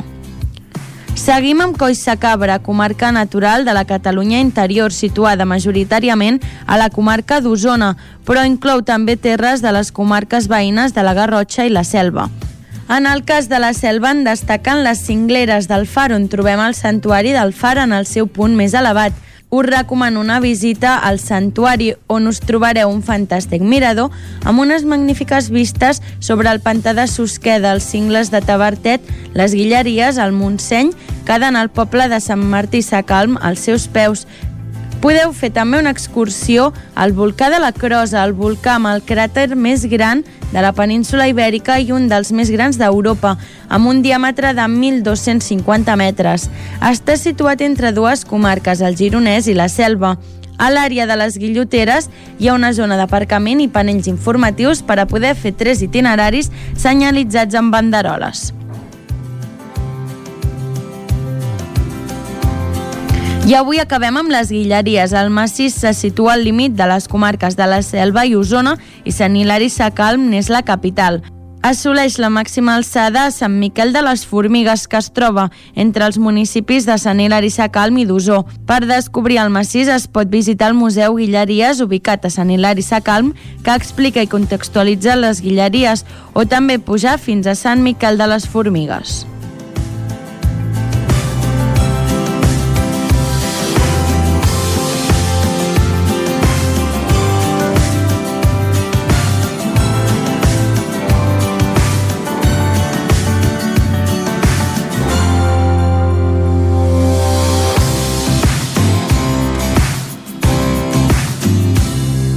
Territori 17. I després d'anar d'excursió a la selva, el que ens toca és anar d'excursió uh, amb tren. Una altra selva, la de la R3. Correcte. Aviam quines aventures ens expliquen avui. Anem cap a, a Trenc d'Alba. A Tren d'Alba. Cada dia els usuaris de la línia R3 de Rodalies que veuen sortir el sol des d'un vagó ens expliquen les gràcies i les penes del primer comboi que uneix Ripoll i Barcelona. Benvinguts a Tren d'Alba. Doncs novament avui hem de parlar d'una nova avaria a l'R3, un clàssic habitual d'aquesta secció. Aquest cop el problema es va produir aquest dilluns al vespre entre les estacions de Centelles i Balanyà, i evidentment es va haver de tallar la circulació. Els retards van durar uns 30 minuts a tota la línia i lògicament es va haver d'activar un servei alternatiu en carretera amb autobús perquè els viatgers poguessin acabar de cobrir el trajecte. Sembla que l'avaria la va provocar una corda de la mateixa infraestructura ferroviària que estava penjada sobre la catenària. Bé, no hi ha dia que no hi hagi moviments a la R3. Va, us deixo ja amb la Núria perquè ens expliqui com li ha anat tot plegat avui. Bon dia des de l'R3. Avui el tren ha sortit de Vic 3 minuts tard i ha arribat 13 minuts tard a Torre Sembla que ho fotin expressament, que com que així falten dos minuts per reclamar el tiquet d'evolució, s'estalvien ells haver de tornar un bitllet i en canvi nosaltres aquest quart d'hora l'hem de recuperar igualment. Bé, continuant amb els dèficits que té el tren i l'estació de Vic, el que sí que també us explicaré i suposo que m'acabaré fent una mica pesada i tot, perquè ja us ho he dit moltes vegades, però és que realment s'hi ha de fer èmfasi i s'ha de poder reclamar a qui convingui, les mesures del tren no són correctes, no són adequades i no ens estan mantenint absolutament cap garantia ni de distanciament ni d'higiene. A part de que has d'anar bona part del trajecte a dreta, a més a més, la gent se't pot posar al costat, no hi ha espai per deixar distàncies. Els trens solen ser habitualment curts, a més a més, no crec jo que desinfectin gaire els seients, tal com els veig, ni les altres coses que toques i involuntàriament. Al metro, per exemple, han posat que les portes s'obren automàticament perquè no hagis de tocar res de la porta. Al tren això no existeix. Per tant, igualment has d'apretar el pastell per poder-te obrir la porta i poder sortir. Una altra cosa és també que no hi ha cap mena de distància a les, a les andanes, o sigui que si tu has de sortir del tren i hi ha un munt de gent, com em passa cada dia a Torrebaró, esperant per entrar a aquest tren, amb pentes, cops... Bueno, no tens ni espai per poder sortir tu. O sigui que totes aquestes coses les podrien anar mirant perquè, clar, o sigui, no pot ser que cada vegada reduïm més els grups, cada vegada tanquem centres cívics, bars i el que calgui, i en canvi els trens seguim tenint aquesta merda de condicions i de mesures perquè ens puguem contagiar tot. Sé que és un transport públic i a més a més s'ha de poder garantir, però s'ha de garantir amb condicions. Tampoc facilita ningú ni mascaretes, ni gel, ni absolutament res com per facilitar ni un xic les mesures de distanciament o de seguretat i d'higiene. En fi, com podeu comprovar, avui també estic molt enfadada. Apa, bon dia i en parlem demà.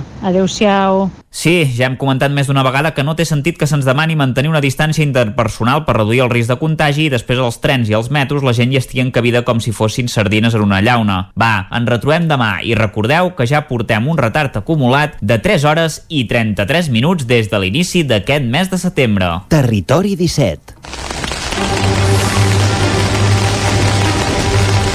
Doncs Vicenç, la R3 que... Continuen fent de les seves. Continuen fent de les seves, eh? Ahir retards i a més a més, eh, com ens comentaven eh, la nostra cronista habitual, doncs les mesures per prevenir uh, la exacte. Covid-19 doncs sembla que podrien millorar un xic. Però vaja, és la tònica habitual. Ara ja sentim de fons els violins, sentim de fons que plou i això vol dir que entrem de ple a la secció de meteorologia i medi ambient i avui en aquesta secció qui ens acompanyarà serà la responsable de l'àrea de medi ambient i sostenibilitat del Consell Comarcal d'Osona, la Margarida Feliu, exalcaldessa també de Viladrau, més que res perquè volem conèixer exactament què són i què fan eh, dues taules de treball impulsades pel Consell Comarcal Osonenc, concretament una sobre qualitat de l'aire i l'altra sobre mobilitat. Per conèixer tots els detalls, saludem ara mateix a la Margarida. Margarida, molt bon dia. Hola, què tal? Molt bon dia. Hola. Com esteu? Nosaltres molt bé. La Margarida em sembla que, per cert, confinada per això, oi? No tant, doncs. Sí, avui acabo, avui Ah. acabo. Demà, eh, diguem-ne, eh, per sort, eh, doncs Mm. ja puc eh, tornar a, a intentar recuperar una vida normal.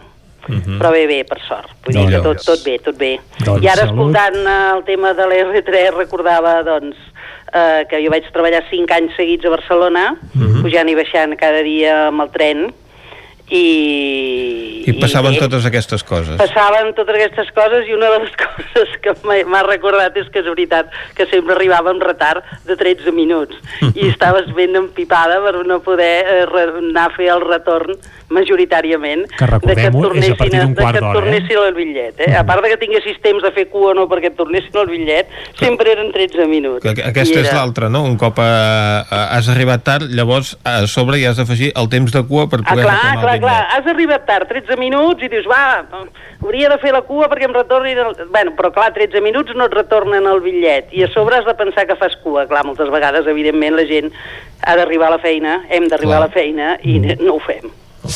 Bé, haurem de començar parlant de la mobilitat. ja hem dit que el Consell Comarcal d'Osona té un parell de taules de treball eh, diguem que, que toquen de prop en la teva àrea, Margarida, una Sí. és la de la qualitat de l'aire, l'altra la de la mobilitat. Eh, parlem de la de la mobilitat. Suposo que la R3 aquí eh, també es toca, eh? Home, home, l'R3 també es toca. A veure, en el fons, la taula de mobilitat va ser una... Quan vaig començar en el Consell Comarcal, doncs eh, va venir un grup d'entitats que evidentment estan treballant molt intensament per la mobilitat de la comarca, que són cinc, cinc entitats, bàsicament, que és una d'elles és, perquè no ens fotin el tren, l'altra era és Osona Bici, l'altra promoció pel transport públic, usuaris E12 i Som Mobilitat. I aquesta gent el que volia mm, era treballar conjuntament per veure què podien fer per avançar i fer petites accions o grans accions per incorporar aquest tema de la mobilitat. Això era abans de la pandèmia, eh? però Mhm. després de la pandèmia encara això és molt més... eh, Necessari, segurament Molt més mai. necessari i molt més present, no? I bé, hi van fer un manifest i van fer un programa de treball i doncs des del Consell el que intentem és eh, complir aquest programa de treball que durarà aquests quatre anys i que ja ha fet les seves primeres reunions i les seves primeres accions.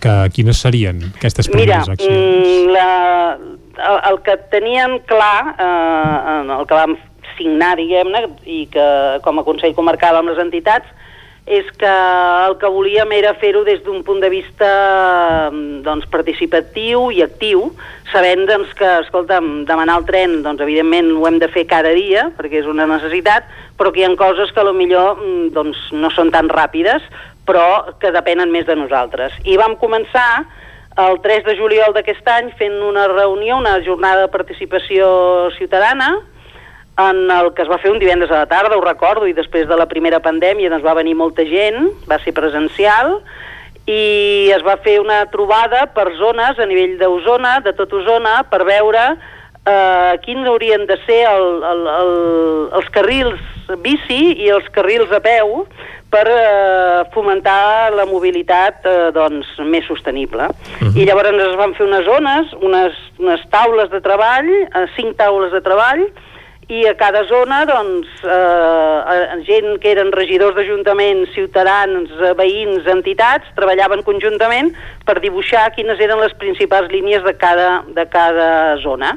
I, per tant, en aquests moments, eh, el Consell Comarcal es va, es, va, es va comprometre a encarregar un projecte, que ho hem fet, i que el desembre d'aquest any estarà, un projecte en intentar dibuixar com ens imaginem Osona, i quines són les principals eh, línies que hi haurien d'haver-hi per fomentar aquest aquest eh, Mobilitat transport eh, en bicicleta. en bicicleta. Uh -huh. I estem en aquest procés, o sigui, la reunió va ser molt interessant, s'ha encarregat també una empresa que reculli aquesta informació i ara, el mes de novembre, eh, es passarà, per dir, en lloc de fer-ho, una reunió que es va fer a nivell doncs, eh, de tothom en el Consell Comarcal, doncs ara es faran reunions concretes a diferents ajuntaments per acabar de dibuixar aquest, aquest, aquest, aquesta, aquest dibuix teòric. Això no vol dir que demà s'hagin de fer totes, però que sí d'alguna manera doncs, eh, tinguem clar quines serien les que estaríem d'acord i a més a més eh, això acompanyat amb, una, amb unes enquestes sobre mobilitat, sobretot en mobilitat en moment d'anar a treballar, que Creacció està començant a desenvolupar a, terme i que malauradament per la Covid no ha pogut desenvolupar-les totes, però que al mes de febrer també tindrem. Per tant, aquest dibuix eh, estarà a disposició de tothom, l'hem fet de manera participativa i tothom hi posa el millor que pot. Això és la gràcia de la taula de, la taula de mobilitat, eh? que tothom hi aporta tot allò que de manera voluntària eh, utilitza. I per tant, bueno, no sé si seguiu a les xarxes la quantitat de gent que utilitza més la bicicleta en aquests moments, les iniciatives que molts ajuntaments estan ja posant sobre la taula i ja comencen a ser realitat. Això fa que la mobilitat en bicicleta ha vingut per quedar-se i, i ja està. És, uh -huh. és, uh, ja era una gran mobilitat, però ara ja és un servei bàsic gairebé de salut i necessari. Segurament tothom estarà d'acord que a la part central de la comarca doncs, és on més convé la creació d'aquestes rutes que puguin ser doncs, eh, ciclables i alhora també eh, per seguir eh, a peu pels veïns que els interessi també fer mm. salut, no? com algunes doncs, que ja eh, s'han anat desenvolupant a la Vall del Gès o sí. un cas més recent que és el camí entre Centelles i els Hostalets que sí. no s'ha pogut inaugurar perquè es va acabar durant eh, la pandèmia però una mica la, el projecte en el que esteu treballant aniria per aquí, no? sobretot sí. a l'eix central de, de la comarca on hi ha mobilitat des de la ciutat fins a, als polígons industrials segurament Exactament. Eh, seria Exacte. un dels, de, dels punts que cal desenvolupar Sí, sí, eh, o per exemple un dels que hi ha, evidentment, perquè és molt utilitzat, però que s'ha d'acabar de concretar i potser és una de les prioritats en aquests moments, és també Santa Eugènia Vic, val? Uh mhm. -huh. per temes de feina, per temes de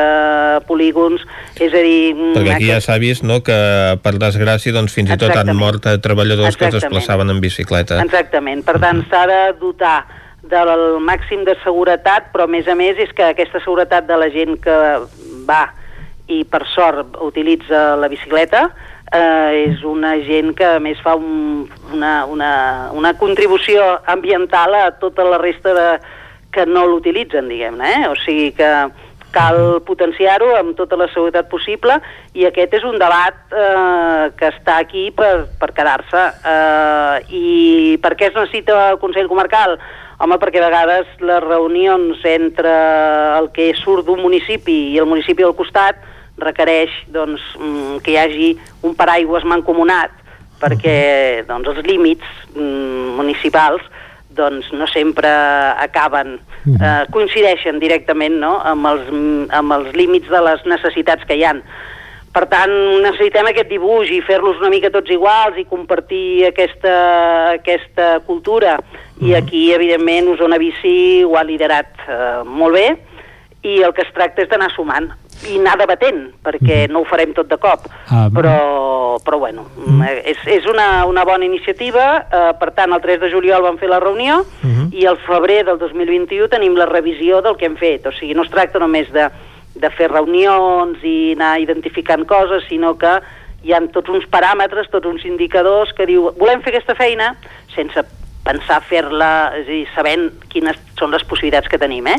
Volem fer aquesta feina i a partir d'aquí, doncs, cada mig any l'avaluem.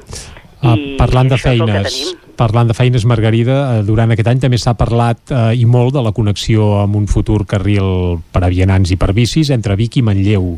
Sí. Això ho podríem veure, eh, anava a dir aviam, a curt a mig termini o...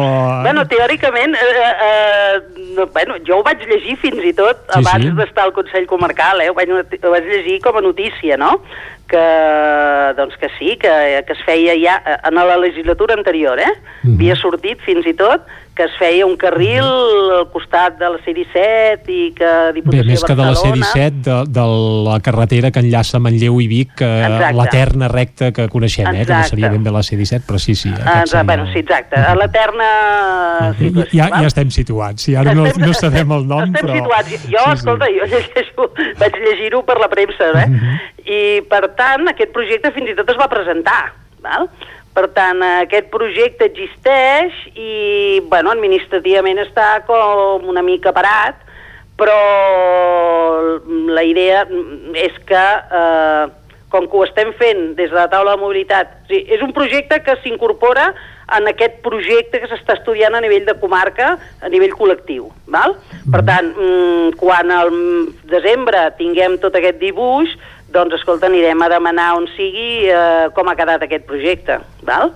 Eh, és evident que Vic-Manlleu necessita una connexió ciclable, és eh, absolutament eh, imprescindible. Si ha de ser el projecte que es va presentar a l'anterior legislatura o ha de ser una proposta una mica diferent, eh, perquè hi ha algú que diu que bé, que estaria bé fer-ho utilitzant altres tipus de camins. Bé, hi ha un cert debat i aquest debat el que ha de portar és que quan tinguem aquest diguem, el plano col·lectiu, aquest mapa col·lectiu, doncs anar a picar a les portes de qui sigui per dir, escolta'm, és que la necessitem, el necessitem, i el volem d'aquesta manera. I si coincideix amb el projecte anterior, és a dir, no està parat el projecte anterior, però tampoc s'està tirant endavant. Per tant, ara estaria com, bueno, mm, eh, esperant aquest projecte comarcal i acabar-lo de redefinir i veure quan pot ser realitat. Abans hem parlat del tren, amb el tren el Consell Comarcal hi té poca cosa a dir perquè si ja la Generalitat doncs, poques competències hi té, el Consell Comarcal doncs, encara pot tenir menys capacitat d'influència. Però no sé si en matèria de, de transport públic doncs, aquest pla també preveu algunes millores pel transport públic de la comarca de caràcter intern. Sí, mira, encara que tinguis poques incidències, el que has de ser és eh, persistent. Mhm. I per tant, encara que el tren doncs, eh, sigui un tema en el que no hi tenim massa competència, hem de ser tots els consells comarcals, eh? perquè no només el d'Osona, eh? tots els consells comarcals d'aquesta àrea eh, treballem conjuntament per ser el més pesats possible, perquè és evident que necessitem eh, un altre tipus de transport eh, eh, ferroviari. Llavors, bueno, doncs molt bé, seguirem sent el pesat. Eh, amb els altres tipus de transport, Home, hem hagut de vigilar coses com que perquè després de la Covid doncs s'ha perdut, eh, s'havien perdut algunes, algunes eh, freqüències d'algunes línies, uh -huh. val? Llavors, mm, home, mm, s'han recuperat, eh, eh, s'ha de començar a parlar del transport a demanda, val? sobretot perquè bueno, tot el que és la línia central de la comarca sí que és on hi ha el màxim de, de, mm, de moviments no? de la gent, uh -huh. Però la gent que vivim en altres municipis, doncs realment gairebé el transport que tenim és inexistent, el transport col·lectiu. Uh -huh. Per tant, el transport a demanda és, un, és, un, és una iniciativa que estan a la taula de mobilitat, però que encara no ens toca, eh? Tot i que funciona en alguns racons, per exemple, a la Vall del Gès eh, i en alguns altres punts ja sí. funciona. Sí, sí, sí, sí, sí. Per tant, aquestes experiències d'èxit, el que s'han de fer és comarcalitzar-les, per entendre'ns, val? Llavors, en la taula de mobilitat, ja t'he dit que hem començat per la, pel tema de les de les, de l'ús de la bicicleta. Bicicletes, correcte. Eh, el 18 de novembre, que és ja, les, eh, farem la segona sessió i aquesta està organitzada per Som Mobilitat, tot i que participen totes les altres entitats, perquè la jornada serà sobre el cotxe elèctric i el cotxe compartit.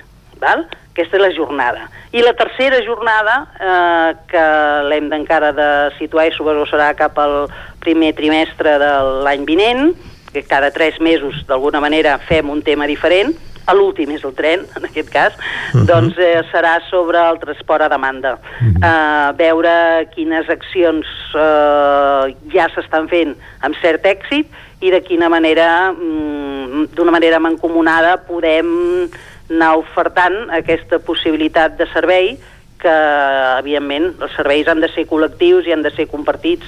Això és el futur i a veure, aquesta seria la tercera jornada, eh? la segona, que és la que fem al novembre, serà sobre accions concretes sobre cotxe elèctric i mm -hmm. cotxe compartit. Margarida, hem passat una mica per sobre repassant què s'està fent i impulsant des de la taula de treball de mobilitat. Sí. Ens queda la taula de treball de qualitat de l'aire, també impulsar, impulsada recentment sí. pel Consell Comarcal d'Osona. Com estem en aquest àmbit? I no sé si, eh, això ho havíem comentat precisament amb el Gil Salvans, sí. que arran sí. de la Covid sí que hi havia hagut una certa millora, eh, bé, que no sé si és, és molt aviat eh, encara per, per uh, afirmar-ho, però com estem en, en la taula de treball de qualitat de l'aire i què s'està fent i en quin sentit s'està treballant? Bé, evidentment les dues taules tenen absoluta relació, eh? Uh, però ja el Consell Comarcal havia encarregat a la Diputació de Barcelona uh, el 2018 un estudi sobre la qualitat de l'aire a vegades tenim la percepció com a ciutadania, doncs mira, la qualitat de l'aigua, la qualitat... I potser no tenim aquesta sensació tant de que l'aire, evidentment, és un bé preuat que és molt important la seva qualitat. Llavors, a la Diputació hi havia un projecte i també quan vam entrar en aquesta legislatura doncs va haver-hi l'estiu, diguem-ne, passat, va haver-hi eh, punts eh, d'episodis d'ozó eh, una mica alarmants, uh -huh. val? Llavors, eh, és a dir, vam superar bastants dies del mes de juliol doncs el que és absolutament recomanable. Uh, aquest estiu, aquest estiu ha sigut molt menys, només ha sigut una edat, un, un dia de, de superació, uh -huh. i és veritat que la Covid, bueno, per en el fons redueix la mobilitat uh, no només a Osona, sinó redueix la mobilitat a l'àrea metropolitana, i uh -huh. l'àrea de cotxe, eh, diguem-ne, i llavors la mobilitat a l'àrea metropolitana per la Covid eh, ha fet doncs, que els, els paràmetres hagin sigut millors. Però bé, que sabem que la mobilitat ens afecta a l'estiu, sobretot de tota l'àrea metropolitana, ens, ens afecta a Osona, per la nostra orografia, això és evident, uh -huh no podem donar no només la culpa a l'àrea metropolitana, també hem de fer coses aquí dins, però sí que hi ha hagut una... la Covid eh, ha millorat eh, la, diguem-ne, la manera de comportar-nos a nosaltres com animals, diguem-ne, en la societat pel tema Covid fa que aquesta pandèmia demostri que les accions que fem eh, repercuteixen a la nostra salut i també, evidentment, a la qualitat de l'aire. I, per cert, Margarida, eh, pel que fa a la taula de treball, ara mateix, com, com Sí. tenim la taula de tenim? treball de la qualitat de l'aire? Eh? On passeu? La, com, Eh, com passem? Passem que tenim el document aprovat, Mhm. vale? que el vam presentar, aquest document. Aquest document està penjat a la nostra pàgina web del Consell Comarcal. Val? Eh, en el Consell Comarcal hem apuntat, hem, hem, hi hem penjat un apartat a la web que es diu eh, Agenda 2030, per relacionar-ho amb els objectius del desenvolupament sostenible, i en allà podreu trobar tant la taula de mobilitat com la taula de qualitat de l'aire i tal. I per tant hi ha el document eh, aprovat. Val? I en aquest document aprovat hi ha una sèrie de accions i aquesta sèrie d'accions bàsicament estan relacionades amb, amb dos temes, amb temes d'ozó eh, informació a la ciutadania. Bueno, n'hi ha moltes eh, d'accions, hi ha unes 48 accions, eh? Déu-n'hi-do. Eh, i per tant d'aquestes 48 accions eh, s'han de concretar i a l'estiu és coses relacionades amb ozó i a l'hivern és més relacionades amb temes del benzopirè que és sobre temes de combustibles mm, eh, diguem-ne diguem-ne, no sé eh, temes de calderes temes de cremes eh, mal fetes coses d'aquest tipus i que afecten. Bueno, doncs llavors hi ha una sèrie d'accions i ara en el pla d'acció comarcal el que es tracta és que sobretot els municipis que tenen tècnics de medi ambient i de qualitat de l'aire, no són gaires a nivell d'Osona, doncs és seleccionar, se'ls ha demanat a tots els municipis que seleccionin quines són aquelles accions que consideren més prioritàries i al desembre que aprovarem el pla d'acció comarcal, doncs hi posarem data. Mm, Doncs 2021 aquestes, 2022 aquestes, eh, per anar intentant doncs, anar complint el que ens hem posat a sobre la taula amb un document que és el, el pla de qualitat de l'aire. Margarida, aquests dies a a Viladrau es trobaran a faltar les bruixes i la Fira de la Castanya. A Viladrau i com tots els pobles es trobaran a faltar tantes coses, es troben a faltar tantes coses, però vaja, sí, sí, sí, les bruixes és... Uh, la fira també, perquè ve molta gent, eh, però les, i les bruixes també, però a nivell de dinamització de qualsevol poble, el tema de les bruixes és, és, és, molt, és molt... el portem molt a dins Mhm. i ens sap realment, personalment, que també hi surto, doncs Sí, ens sí, sap no ho hem dit, però la Margarida Feliu, a part de, de ser la responsable de l'àrea de Medi Ambient i Sostenibilitat del Consell Comarcal, és exalcaldessa de Viladrau sí. i, evidentment, bruixa de Viladrau amb tot el carinyo, eh? Amb tot aquest... bueno, jo bàsicament sóc la que explico la història, eh? Són les meves companyes bruixes les que tenen el poder. No soc, jo, jo no tinc tant el seu poder, però sí que eh, convoco a les bruixes a que vinguin i explico una mica cada any història i realment ho trobarem molt, molt a faltar. Però suposo que totes aquestes coses populars, cada poble, eh, aquesta situació ens fa trobar a faltar aquestes coses, no? Però vaja, hi tornarem, eh? Mm, L'any vinent i amb moltes ganes i ho hem decidit, evidentment, doncs ara, eh, en les últimes dades, mm, perquè hem estat assajant, eh? O sigui, ja assajàvem. Pel 31, encara que no hi havia res més, no es podia fer castanyada, però teníem intenció de poder-ho fer amb totes les mesures de seguretat eh, que es fan en els teatres, però al final no ha pogut ser. Per tant, ho trobarem a faltar, sí, sí, i tant. Margarida, moltes gràcies i la Fira de la Castanya i les bruixes per l'any vinent, si més Ah, es- escolta'm, ja saps, eh, aquí estarem. Ho Molt seguirem. Doncs moltes Molt bé. gràcies per haver-nos acompanyat avui a Territori 17 i ara, Vicenç, nosaltres ja anem per acomiadar-nos. Exacte, posem el punt i final a aquest territori 17 d'aquest dimarts. Un territori 17 que hem fet Clàudia Dinarès, Caral Campàs, Isaac Muntades, David Oladell, Pepa Costa, Isaac Moreno, Natàlia Peix, Guillem Freixa, Xela Falguera, Joan Carles Arredondo, Núria Lázaro, Jordi Sunyer i Vicenç Vigues. Tornem demà. Adeu. Territori 17, un magazín del nou FM. La veu de Sant Joan, Ona Codinenca i Ràdio Cardedeu amb el suport de la xarxa. El nou FM.